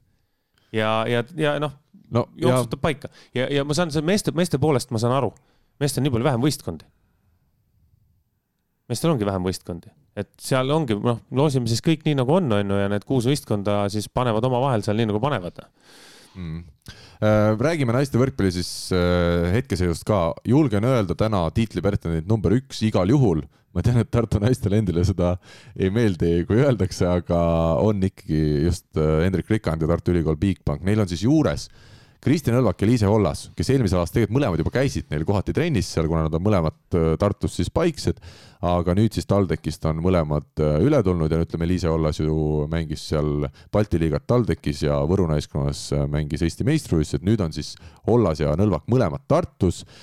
siis on tagasi Renate Pikk, kes nüüd siis jälle saalivõrkpallile aastase vahe järel äh, keskendub rannavõrkpalli asemel. Ingrid Kiisk on Soomest tagasi, juba eelmise hooaja lõpus oli tagasi. Kertu Lääne diagonaalis veel tagasi ja, ja no see on ikkagi väga tummine võistkond. lisame need kõik põhitegijad eelmisest aastast veel juurde, kes siis minu teada, kas vist keegi ei ole sealt ära läinud ka ehk siis no vot see on nüüd naiskond, kus on trennis ka kahe kuuika jagu korralikke mängijaid. tundub, et Tartu läheb kahe võistkonnaga, nii naiskonna kui meeskonnaga läheb siin kõik ära võtma, et äh, väga hea töö klubi juhtide ja, ja, ja kogu selle taustajõudude poolt, et äh, super.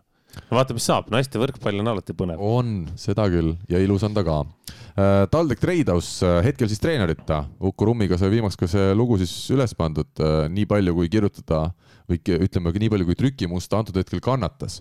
treeneri otsingud käivad, ma tean, nad on seal läbi käinud, noh sisuliselt kõik äh, treenerid, kes on vähegi olnud, olnud nagu kaardi peal, aga, aga keegi ei saa või ei julge võtta seda ametit, mis siis mul on saab läbi, täna on viimane Vene koondise tööpäev. kas sa võtaks, võtaks üle, aga, aga tee üks selline aastane projekt, kas see oleks huvitav või kõik? oleneb pakkumisest.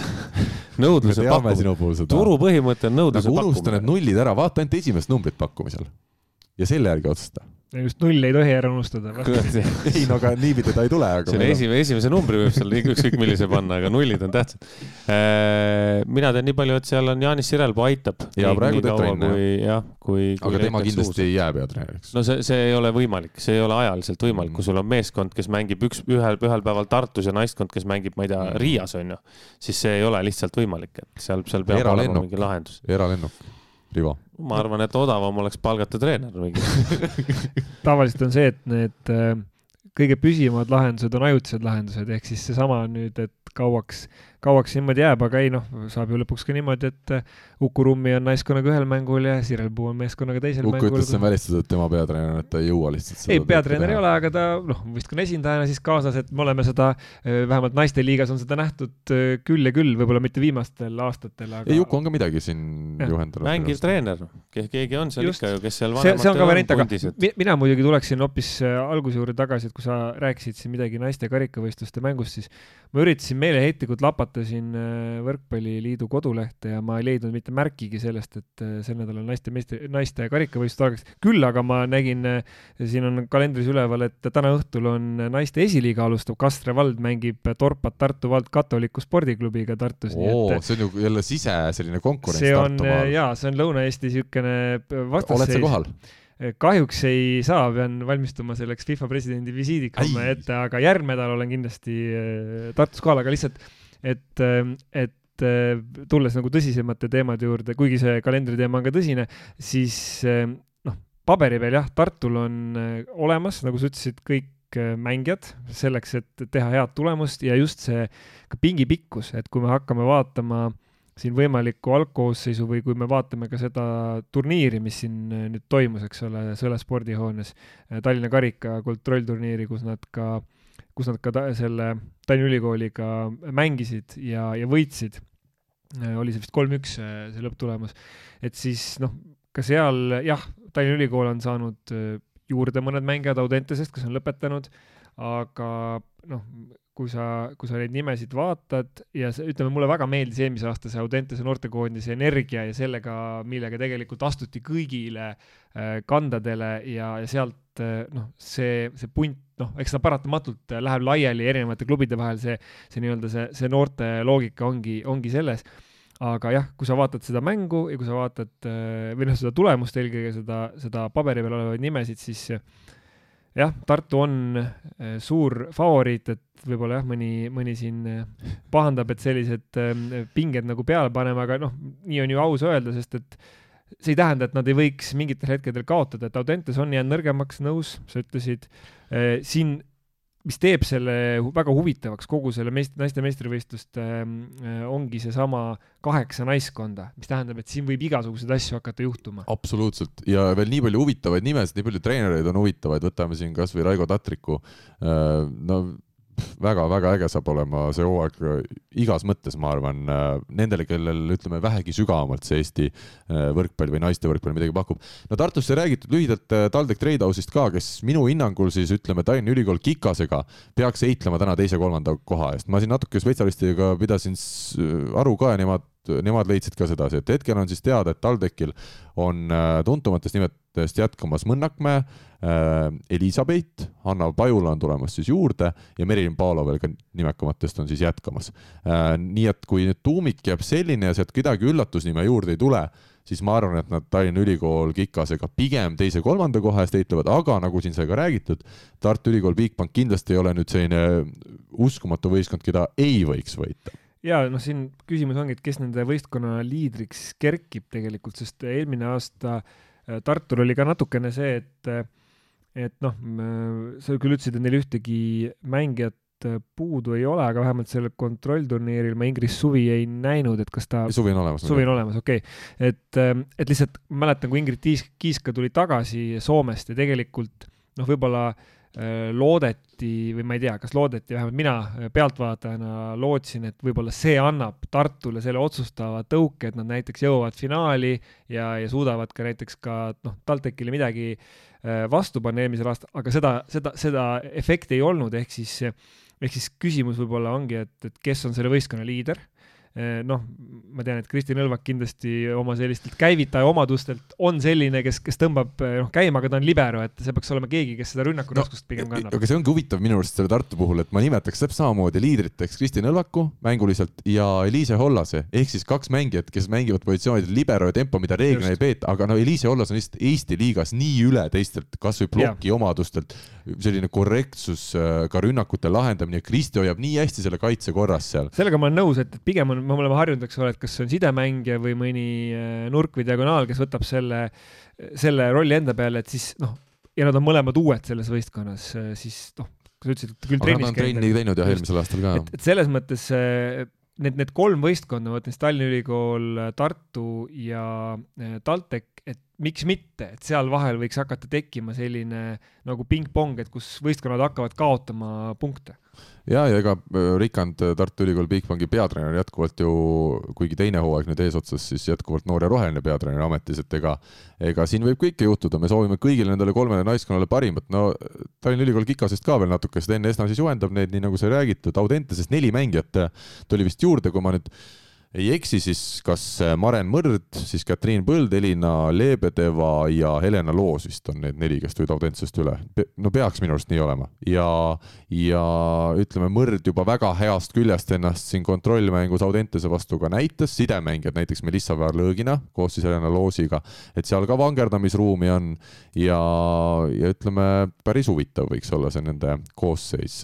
Neljandale kohale jõupositsioonide puhul ma paneksin ikkagi täna Andrei Ojametsa ja Audentse spordigümnaasiumi noortekoondis, et Eva-Liisa Kuivanen on seal selgeks liidriks nüüd kerkinud, kui mitmed kaaslased on äh, lõpetanud kooli, aga on andekaid noori juurde tulnud, vähemalt nii äh, Marko Mett, kui temaga rääkisin, äh, ütles näiteks siin Karmel Vares, endise Eesti korvpallikoondislase Veljo Varese tütar on väga andekas kuju, aga neid andekaid kujusid on veel, küsimus on nüüd see, et kas need kuueteistaastased või viieteistaastased tütarlapsed on veel valmis, et siin meie parematele konkurentsi pakkuda, et ma kardan, et see läheb raskeks. ja Audentes, ütleme, selline konkurent praegu tundub Raivo Jeenas ja Võru võrkpalliklubi Parrus, et äh, helistasin ka Raivole enne saate algust tervitan teda ka siin veel eraldi, soovin edu. Äh, ainus lahkuja ongi Eliise Hollas, ülejäänud naised on, on olemas jälle, eesotsas siis sidemängija Kaisa Pahmatševi ja, ja ütleme, Salme Adele Hollasega, aga Mari-Liis Graumann tõenäoliselt hooaja esimene pool väga aktiivne ei ole, ütles Jeenas, et tal on seal põlvedega ikkagi küllalt probleeme ja ilmselt hoiab ennast kevadeks pigem. ja no ütleme kuues, seitsmes, kaheksas koht siis Viljandi Metall, Rae spordikool Viaston ja Tartu, minu lemmiknimi nüüd sel hooajal võistkonnast lemmiknimi Tartu TBD Biodiscovery. Biodiscovery. TBD see, kas see on to be decided, on see, ma tean, ma olen näinud, kui nendes ajakavades on kuskil see, et yeah. neil ei ole seda algusaega, siis on TBD. et aga see, mis sa rääkisid, noh, ma ütlen veelkord, see süvendab minus seda, et naiste hooaeg tuleb tunduvalt põnevam kui meeste hooaeg, vähemalt minu jaoks, et seal on nagu teadmatust rohkem, seal on neid kihvti treeneri kujusid, seal tekib seesama näide, et kas nüüd äh, noh, on see siis Esna, Ojamets, eh, Jeenas, kes on ikkagi nagu treenerina kogenumad kui, kui Rikand, et kuidas nemad näiteks selles eh, vastasseisus hakkama saavad.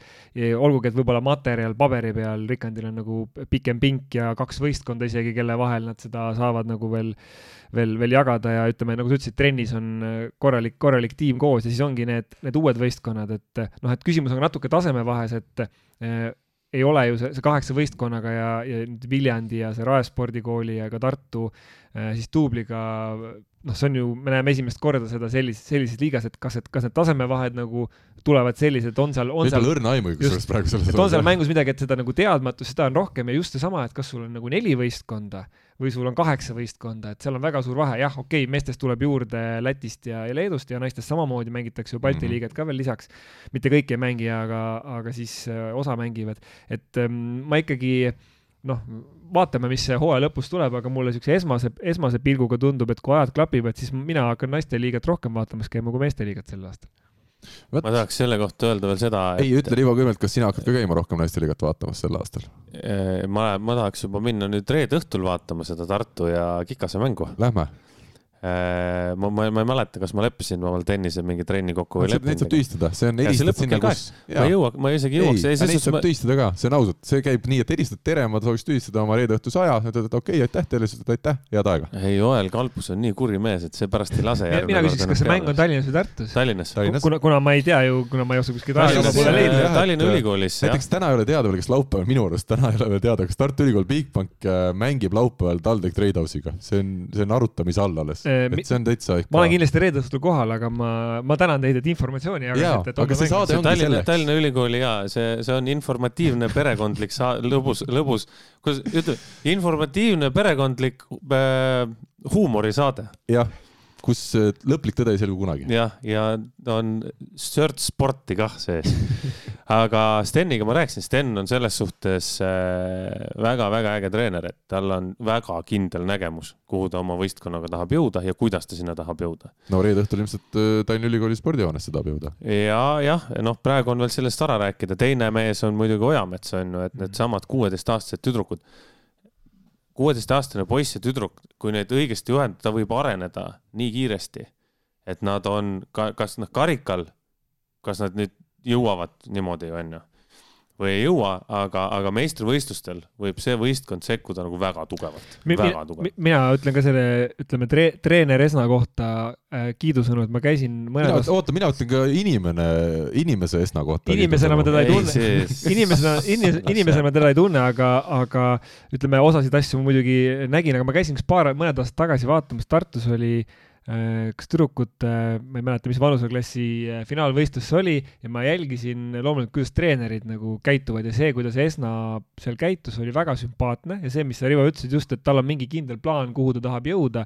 see oli sealt näha ja noh, seal tolles võistkonnas mängis noorteklassi äh, Kuivonen ja, ja ka, ka veel ilmselt mitu mängijat, keda mul nii säravalt praegu meeles ei ole, kes tänaseks ongi jõudnud sellele tasemele ja, ja noh, näha oli, et ta, Esna on motiveeritud, ta on, tahab teha, tal on, on väga kindel eesmärk, kindel visioon, kannatlik, niisugune äh, pedagoogiline, et see oli see, mis ma platsi kõrvalt nagu nägin, jällegi tundmata isikut, nii et, et äh, see sats kui ta suudab seda nüüd ühtsena hoida, et see võib teha veel, veel väga häid mänge. teeme ennustused ka ära Äh, ütlen veel ühe, Sten ütles mulle väga hea lause, et ma ütlesin ka, et noh, et ma vaatan sind see väljak kõrvalt jube rahulik ja niimoodi kõik teed ja räägid mingit tarka juttu ja julgustad ja motiveerid tüdrukuid ja Sten ütles, ega see ongi, see on niisugune kaval asi, et ma karjun trennides ja siis ma seal, seal, kus mm. teised inimesed näevad, seal ma jätan niisuguse hea mulje endast.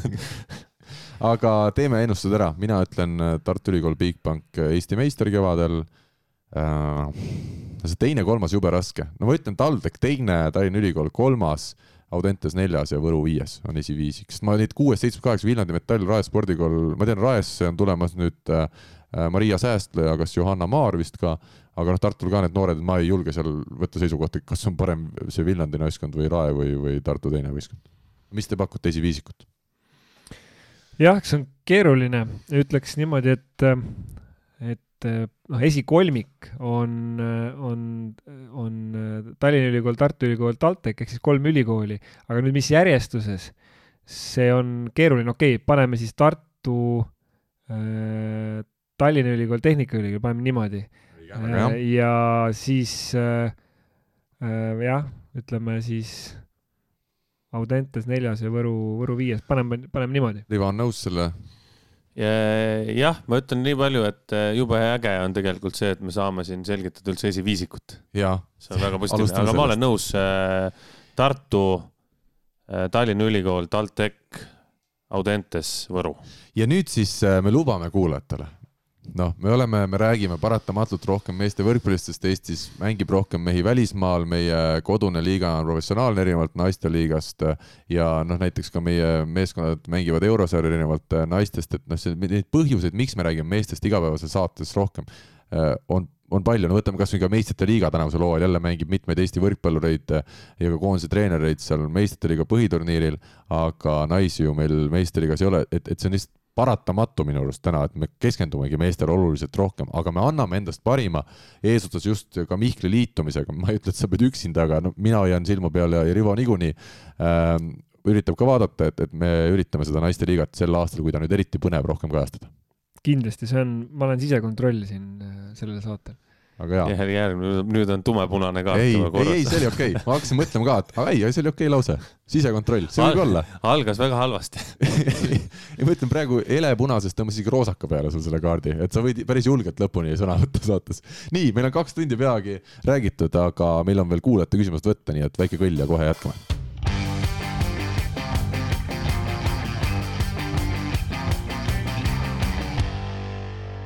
nii, ja nüüd siis kuulajate küsimused, alustame Anna Miilitsast, kes meil on varasemalt ka küll suhteliselt harva, aga samas väga sisukaid küsimusi ja teemaarendusi äh, meile esitanud ja, ja nüüd siis loen tema kirja ette.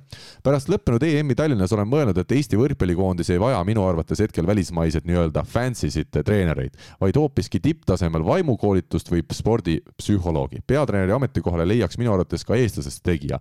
mängida ju osatakse, kuid ilmselgelt jääb juba mitmendat EM-i miski kõrvade vahel puudu ja enda potentsiaali välja ei mängita.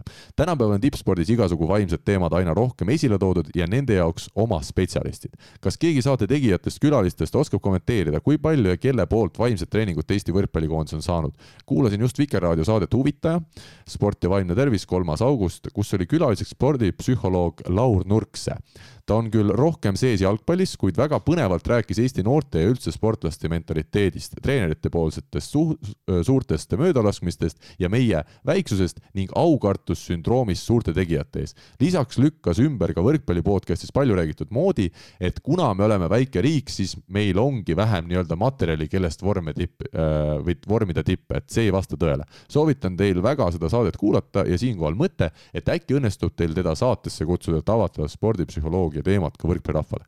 saatesse kutsuda, miks mitte, äh, ma arvan, et ma panen selle kirja ja me üritame seda ära teha, mul ei ole selle vastu küll midagi ja see intervjuu, millest äh, kirjasaatja räägib, see sai kokku lepitud läbi minu äh, Vikerraadiole, nii et me võime ka ta siia, Lauri siis siia kokku leppida analoogselt, kui ta on nõus tulema, tal aega on.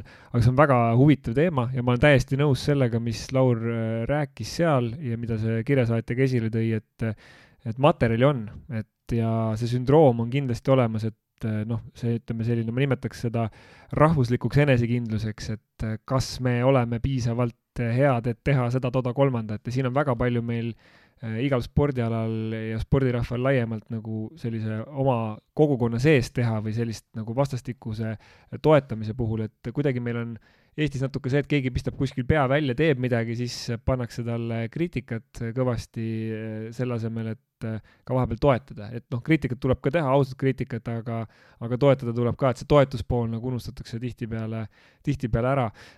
ja ma arvan, et me ei pea inni, tähendab, kui nüüd mõnele mängijale tundub see, et me li, võtame võistkonda juurde eraldi spordipsühholoogi, kui see tundub nagu see, mis annab mängijatele enesekindluse, siis jah, tuleb seda teha, aga tegelikult spordipsühholoogia on nii peatreenerite kui abitreenerite põhiline relv. meil oli mõned aastad tagasi üks, üks rootslasest äh, treener Magnus Persson, kelle abiline oligi äh, spordipsühholoogia lõpetanud tegelikult ja, ja noh, ütleme ja praegune, ütleme ka treenerite tiim näiteks noh, ta selgelt kasutab teatud meetodeid, aga seal ei ole eraldi inimest. meil samas äh, Laur Nurkse oli näiteks U seitseteist koondisel, kes finaalturniiriks valmistus, oligi täiskohaga spordipsühholoog eraldi tiimi juures ja Laur natuke rääkis, kuidas ja mis sellest nagu kasu oli ja.... Need Eesti võrkpalliklubid juba segavad sind vahele, ütlevad, meil ei olegi raha, et üldse palgata kedagi veel juurde, meil on niigi raske, et peatreenergi saab väikest raha. nõus, aga noh, mul tuleb kohe meelde endine korralikul tasemel võrkpallur Kristel Kiens, kes on äh, ju spordipsühholoog, et äh, minu arust ei... Kristel midagi koondisega tegi ka siin, äh, ma, ma võin küll jah, et, et, et kindlasti see, see ei pea olema selline nagu regulaarne, aga ma ütlekski, et kõik need asjad tuleb treeneritel ja mänedžeridel oma igapäevapraktikatte sisse juurutada, kõik need spordipsühholoogia alused, no kasvõi sama näide, et mitte et mul vastus, vastust oleks, aga see on, ma arvan, asi, millega treenerid väga paljud mõtlevad, et kuidas tekitada see nii-öelda mõistlikul tasemel võistlusärevus või võistlusnärv selliselt, et see ei väsita sind. pärsi, jah. jah, et selliselt, et see sind ka ei noh, nii-öelda ei jäta sulle liiga niisugune lõdvestunud oleku, et eh, kuidas seda teha, mis on need faktorid, et see on pigem, ma ütleks ka treenerite koolitamise küsimus ja treenerite enda huvi küsimus, et. ja treeneri töö ongi tegelikult olla psühholoog ju väga suuresti. absoluutselt, no ma toon ikkagi klassikalise näite Tarmo Rüütli jalgpallikoondise peatreenerina et sa võid mõelda mis tahes keerukaid skeeme välja, teha öö, mingisuguseid süsteeme, aga kui lõpuks vend läks riietusruumi kaks kätt taskus, tegi mõned naljad ja lasi meestel ennast nii-öelda vabalt tunda, tühjaks rääkida, see lõi kümme korda parema meeleolu kui mingisugune programmi järgi, ma ei tea, koolitamine või mingi spetsialisti sissetoomine, et see, see on natuke ka treeneri tarkus, kuidas ta, kuidas tal õnnestub see häälestus teha küsimus oli siin ka see, et kas me teame, et kas oli meil koondises, ma tunnistan, ma jään vastuse võlgu, sedasi täiskohaga kindlasti ei olnud, kas mingit abi kasutati, ma tean, meil on mingid võrkpallurid, kes on ise nagu eraviisiliselt äh, spordipsühholoogi abi kasutanud, aga, aga vastuse jään võlgu, üritan välja uurida. nüüd see küsimus, et peatreener, kas leiaks ka Eestis nagu korraliku tegija, no ma ei, mina olen ikkagi nagu jätkuvalt seda meelt, et minul on täiesti suva, mis, mis rahvusest see treener on Eesti koondisel või Eesti klubidel. tähtis on see, et ta on normaalne inimene ja hea treener. see, kas ta emakeel on eesti keel, prantsuse keel, suahiili keel või mingi teine keel on täiesti ükskõik. vaata, siin on see küsimus, nüüd jälle psühholoogia tuleb mängu, et kas inglise keeles samade sõnade ütlemine mõjub mängijatele autoriteetsemad kui samade sõnade eesti keeles ütlemine või kas nad häälestab neid teistmoodi, et vähemalt mina olen märganud seda korduvalt, kus, kus ma ei tea, on mingi koolitus, Eesti koolitaja räägib põhimõtteliselt sama juttu ja siis tuleb välismaa koolitaja, vau, see mees on Hollandist, on ju, suurest jalgpalliriigist ja siis noh, aga see tendents mulle tundub ikkagi järjest rohkem kaob. ja lõpuks sa saad ka aru, sa võid seal koolitusel, võib tunduda, et ta on jube tark, aga kuidas, kui ta sinuga aasta läbi töötab koos, siis sa saad ju aru, kas ta on nüüd erilisem nagu kui see Eesti mees või ei. ja, ja mina ütleks, et Eestis on noor võrkpallitreenerite, spetsialistide põlvkond, on see Vassiljev, Rikberg, Lüütsepp, kes minu meelest kõrvaltvaatajana, ma ei tunne neid sisemisi protsesse, aga mulle tundub, ma ei tea, kehakeelest ja nende, kuidas nad ennast räägivad ja väljendavad, nad võiksid proovida rahulikult ka koondise tasemel, võib-olla on veel vara, aga, aga, aga miks mitte, et see on täiesti teema, et, et, et mulle tundub, ma vähemalt loodan, et see aeg on läbi, kui välismaa treener on siin ainult sellepärast, piltlikult öeldes ainult sellepärast, et ta räägib inglise keeles. ei, aga mina olen ikkagi aru saanud, mis Eesti treeneritel, mis on peamine küsimus, miks täna ei saa panna, sest meil on no nii, niivõrd, ütleme, targad mehed äh, seal eesotsas mängijatena, ma ei tea, pange jutumärkides või pange ilma, aga noh, meil on ikkagi mängijad, kes on äh, mänginud juba aastaid Euroopa tipptasemel ja kes ise ähm, oma hinnangul teavad võrkpallist väga palju. Ja seal võib tekkida see autoriteedi küsimus lihtsalt, et kas need Eesti treenerid, kas, kas nad kuulavad neid, ma olen täitsa nõus, et Rainer Vassiljev, Alar Rikberg on väga head treenerid ja väga toredad mehed, aga küsimus, kas kõik need Eesti koondise kogenud mehed ja vähem kogenud mehed, kes on välismaal juba tippklubis mänginud, kas nad kõik õnnestub saada selle ühise mütsi alla, et tundub, et välistreeneritel on see lihtsalt seda lihtsam teha, aga ma jätkuvalt, ma ei ütle üldse seda, et Vassiljev või Rikberg ei saaks hakkama paremini, praegu meil on kaks EM-i välistreeneri all ebaõnnestunud ja see küsimus on väga loogiline jah äh,. sul ei ole lepingut, me teame, alates homsest. mina, mina sinna ei pürgi ka üldse, et ei tahagi. see on äh, alati, alati võib, kui, kui nüüd noh, küsimus, jooksin kokku korra, onju, küsimus, äh, miks ei ole, kui, kui meil oleks nüüd kaks korda läinud äh, Eesti treeneriga aia taha, eks ju siis oleks täpselt sama küsimus, aga miks me ei võta välistreeneri? no just, ja Jaan Martinson saab jälle kirjutada oma lugusid, et, et, et Eesti point, treener on parem, jah. point on sul õige, Karl, see ongi õige, jumala õige point, on see ja Mihkel, sinul ka, et kui see ei ole ainult võõrkeele pärast, on ju, mille pärast teda kuulatakse, siis kõige tähtsam on see, et ta on hea treener mm.. kõige tähtsam on see, et ta on hea treener, ükskõik kust ta tuleb. mis inimene ta on, kas tal on püksipulvad katki või ei ole püksipulvad katki ta, ta, ta peab olema hea treener, ta peab suutma oma nägemuse täide viia väljakul. ta niikuinii, see koondise treener täna, ta ei õpeta neid mängima, neid mängijaid, noh ta ei õpeta sinna juurde mitte midagi. no mingil määral ta võib, aga ma olen ka nõus, et see koondis on põhiasi on tulemus. sa ei saa õpetada, Karl, sellise saab no,, kui sa koguned no, maikuus. Karl, sa ei saa õpetada Oliver Vennole ja nendele põhimeestele, sa ei õpeta neile mitte midagi uut sa ei õpeta neile midagi uut. nüansse sa saad ikka õpetada. ma, või sa, ma mõtlesin, et sa ütled ajafaktor, et nad tegelikult ju suvel on Aja, koos tihti neli-viis kuud. on ka ajafaktor, aga nelja-viie kuuga sa ei suuda muuta tehniliselt mängijat. sa ei suudagi. sa suudate panna tegema no, võib-olla ühte elementi teistmoodi, aga, aga, aga selleks, et selle elemendiga jõuda veel mängus kõrgele tasemele, selleks on vaja selle elemendiga mängida mm. -hmm. see läheb poolteist aastat on sul see, kui sa muudad vastuvõttu ära niimoodi, et ta mängu sees teeb seda ideaalselt mm. -hmm. no mitte päris poolteist, no ütleme aasta koos mängudega. et eh, see treener, nende treenerite, koondise treener paneb võistkonna koos mängima.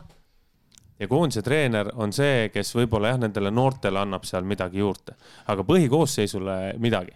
Aavo Keel, jumala hea näide Läti koondisega on ju, ta oli nüüd mitu aastat seal, neli või seal on neli jah, kaks ja. tsüklit minu arust. täpselt võimalik neli jah, ja, ja tema võttis ju alguses koondise, kus oligi nagu pilla-palla, ta võttis osad mehed enda juurde, äh, töötas nendega aastaringselt, kellest ta nägigi nagu potentsiaali koondise põhi, põhjal ka ja siis nii palju, kui tal aega oli koondisega teha, ta pani seda võistkonda kokku mängima, ta parandas mingeid mänge, aga seal olid enamus noored mehed mm,.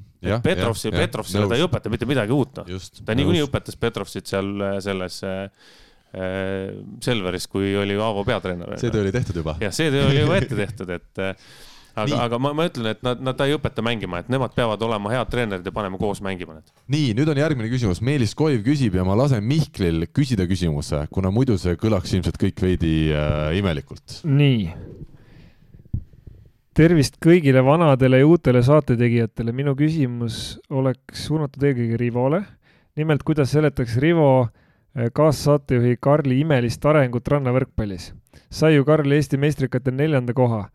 saate varasematest osadest on jäänud kõlama, kuidas Karl Rahvaliiga turniiridel soojenduskastis kõhulihaseid teeb ja ka rannavõrkpallis on varasemalt tema tegutsemine Rivo arvates soovid jätnud. kas võib äh, selle edu kirjutada Karli hea paarilise Korotkovi arvele või tuleks kiita ka Karli ennast? kui kunagi seal saatejuhtide kaks versus kaks rannavooleturniiri toimumise unistuses arvasin, et see paar, kuhu Karl satub, on kindel outsider, siis nüüd paneksin Karli paari kindlalt favoriidiks. jõudu ja jaksu ägeda saate tegemisel, Mell! mina ütlen Mellile super, aitäh sulle toetuse eest, jube lahe on selliseid kirju lugeda äh, mina jälle Mellile vastan, et Karli rannavõrkpallioskus jätab siiamaani soovida ja Eesti meistrivõistlustel neljas koht on, äh, on muidugi väga hea tulemus äh, see on väga-väga hea näide sellest, Karl on väga hea näide sellest tegelikult, mis tasemel on tänane Eesti rannavõrkpall. see on, mul on Karli üle hea meel, mul on jälle noh, nende, kes võitsid, Akse, Urmas, Karla, mul on kõigi üle väga hea meel. aga see näitab seda taset. Karl teeb nädalas kolm korda trenni liiva peal. Karl teeb, no jah, okei okay.. noh, ütleme keskmiselt on ju. no kokku teeb ta ikkagi nädalas seitse trenni jõutrennid ja kõik ja. igasugused asjad juurde. ikkagi ütleme... trenni ma, jaa. ja, no, jah, okei ütleme, et sa teed, ütleme liiva peal keskmiselt kolm korda. jah, seda küll, mitte kaks korda päevas, nii nagu tippmängijad teevad. ja, ja sa, sa lähed trenni, sa mängid. tegime ka eelmisel talvel Korotkovi ja Lõhmusega päris palju äh, puutetrenne. aga ütleme, ütleme pool ajast kindlasti, mil ma liival trenni tegin, äh, oli mänguline jah ja puhas mänguline, jah. Äh, üks asi on need puutetrennid, kus on sinul tulnud väga palju juurde, seda on näha. seda on nagu, no mina, me, me tegime esimest korda kunagi koos trenni, on ju. siis, kui mina andsin trenni ja sina tegid trenni ja siis me rääkisime päris pikalt igasugustest asjadest. aga see on väga lihtne asi.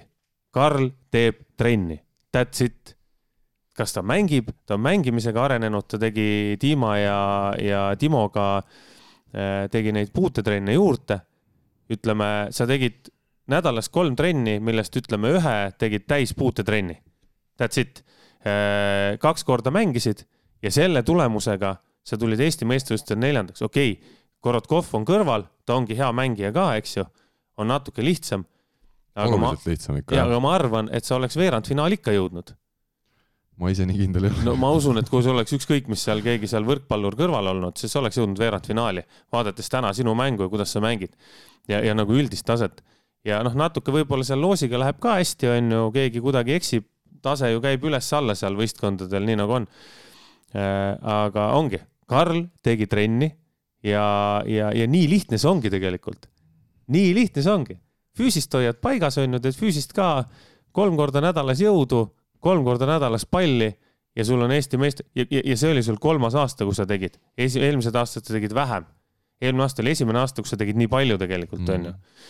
Ja, ja nüüd arvesta sellega, et äh, kui sa oleks kõik kolm aastat niimoodi teinud, siis ma arvan, et täna sa oleks võinud olla ka seal medali hulgas või, või võtta ka medali ära, et nii ongi, trenni on vaja teha, saage aru lõpuks ja tehke, tehke treeneritega trenni vähemalt korra nädalas, kui saate, see annab kordades rohkem juurde kui niisama platsimine, et. sellega ma olen täitsa nõus jah, see just just mida mina ise ka tunnen, tehes ikkagi suhteliselt kaootiliselt trenni, siis kui ma jõuan ja saan ja kui keegi kutsub, äh, et, äh, et, et see ei ole ikkagi sama kui see, et sul on treeneriga teada, et täna, see nädal on meil need asjad kavas, et ma näen, kui palju see annaks tegelikult juurde ka minusugusele harrastajale. aga ma tahan selle teema lõpuks öelda, et see nüüd kindlasti ei olnud mingi selline äh, kiituse rubriik või et, et mina annan endale samamoodi aru, et, et see, et ma Eesti neljas olen, on ühtpidi tänu Tiimale ja teisalt tõesti meil seal Rannavolle, noh, seal osaleski Eesti meistrivõistlustel mingi kakskümmend paari või et see ei ole mingi meeletult, sa jõuad kuskilt tuhandete inimeste keskelt kuskile, vaid see eeldabki natukene õnne ja natukene oled ise paremaks teinud, aga, aga ülipikk maa on veel minna ja minu jaoks on nüüd ka huvitav, et kui nüüd oled neljanda koha kätte saanud, nüüd on kohe, järgmisel päeval oli mu eesmärk, ma läksin juba paar päeva hiljem jälle trenni, et, et järgmine järgmine aasta saada medal. aga nüüd ma olen juba saanud esimesed tagasilöögid, kuna trennis ma olen ikkagi kohati tasemelt äh, samasugune, nagu ma olin enne, ehk siis ma Kaarel Kaisidele ja, ja Siim Ennemuistidele ja Nils Rühkadele kaotan vahepeal seal väga kindlalt game'i ja siis, siis olen nagu kuidagi väga selline pettunud, et kuidas nüüd nii, aga, aga tegelikult ongi, et see, see tegelik tase ei ole Eesti neljas paar veel kuidagi, et tuleb esmalt jõuda sellele tasemele, et olla paar järgmist aastat stabiilselt veerandfinaalis ja, ja siis võib-olla kunagi, kui, kui tervis peab vastu ja seda tahet ja jõudu on, et siis võimalik ka medalile tulla, et see ei tule päris nii kergelt, et sel aastal tiimaga neljas, järgmine aasta võtad kulla ära, et see, see ikkagi on, on pikem töö kui üks või kaks aastat, ma arvan. kunagi ütles legendaarne Jaanus Nõmsalu sellise lause, kui nad hakkasid Esnaga mängima rannavõrkpalli, me hakkasime Kristjaniga, eh, Jaanus hakkas siis Steniga mängima. ja kui mingi ajakirjanik küsis, et noh, et mis teil siis plaanid on ja Nõms, selle peale ütles Nõmsalu see aasta Eesti meistriks ja siis olümpiale jäid mõlemad asjad tegemata või? Eh, jah. Kuigi esimene tundus natukene, ütleme, realistlikum plaan. nii äh,, lühidalt, kes võidab see aasta, sel aastal Eesti meeste esiliiga? Äh,? anonüümne küsija, jah, ja no väga lihtne vastus, Tallinna Ülikool selle esiliiga võidab, siin oli küsimus, siin on Siim Põlluaar tulnud juurde. Küll on ka Urmas Piik lõpetanud ja rannavallale nüüd keskendumas siis, aga noh, see Tallinna Ülikool on teistest hetkel selgelt üle, aga ma loodan, et tuleb üllatusi ja, ja ma eksin, aga tundub, et siin ei ole see võimalik Janno Kupperik küsib, kurdetakse, et mänge tuleb hooajal vähem. kas ei oleks mõttekas kevadistele Estikate kohamängudesse võtta esiliiga neli esimest?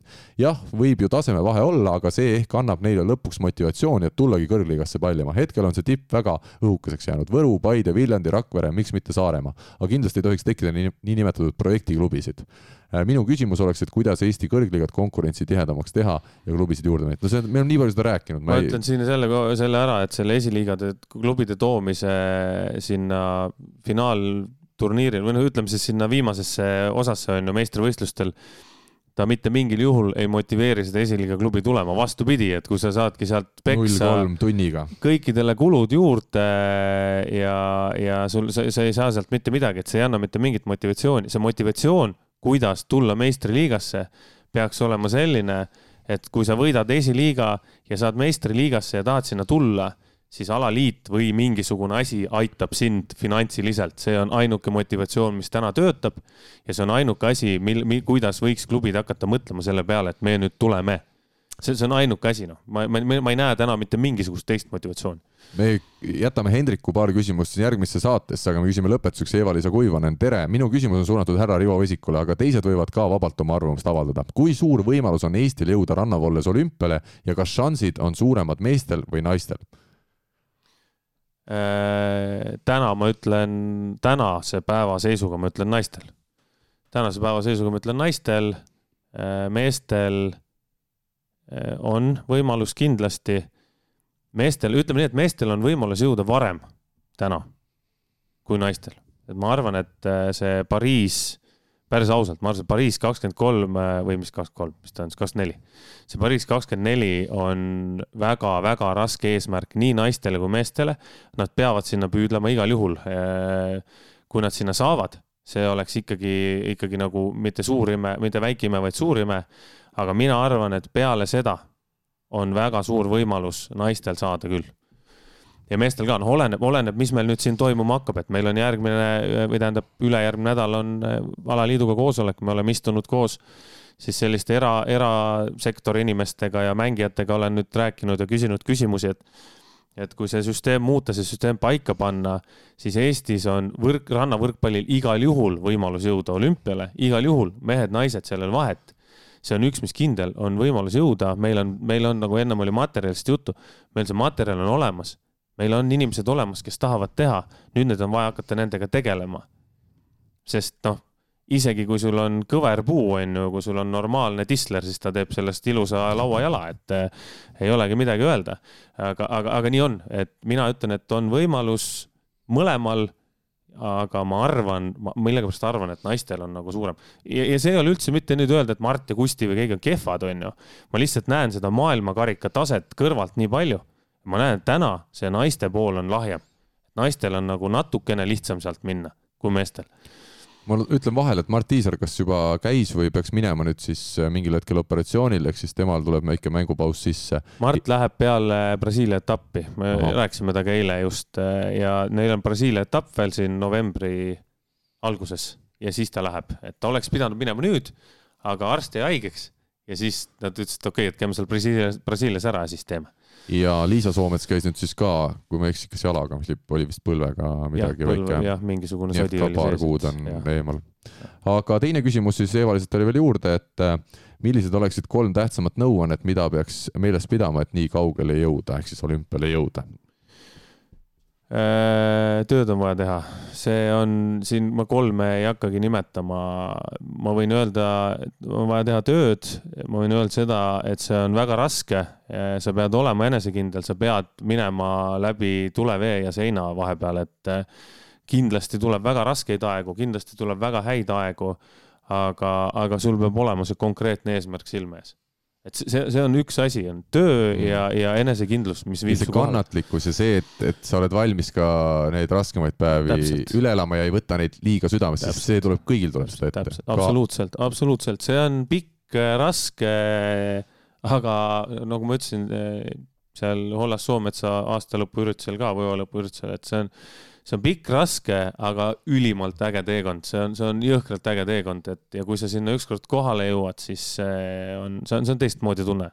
täiesti teistmoodi no, minu arust juba istikatel mängimine, see on äge tunne, aga eks mul on algpunkt ka võib-olla natuke teine kui jaa, aga me, me kõik alustasime estikatelt mängimisest, ega see, see ei tähenda nüüd seda, et keegi oleks kuskilt halvem mees, on ju, meie, meie, minu siht oli lihtsalt teine kui sinul vaevalt, et sina kaks tuhat kakskümmend kolm nüüd tahad Pariisi saada, tahaks minna küll. kaks tuhat kakskümmend kolm ma kindlasti ei lähe Pariisi, sinna ma võin ei saa minna, kaks tuhat kakskümmend neli ma lähen võib-olla olümpia raames Pariisi siis. aa, kakskümmend neli jah, kõik, kõik on sassis, kuidagi on nagu sassis. me pärast saadet, meil on täna saade juba päris pikk olnud, aga pärast ma räägin sulle, kuidas see olümpiatsükkel käib.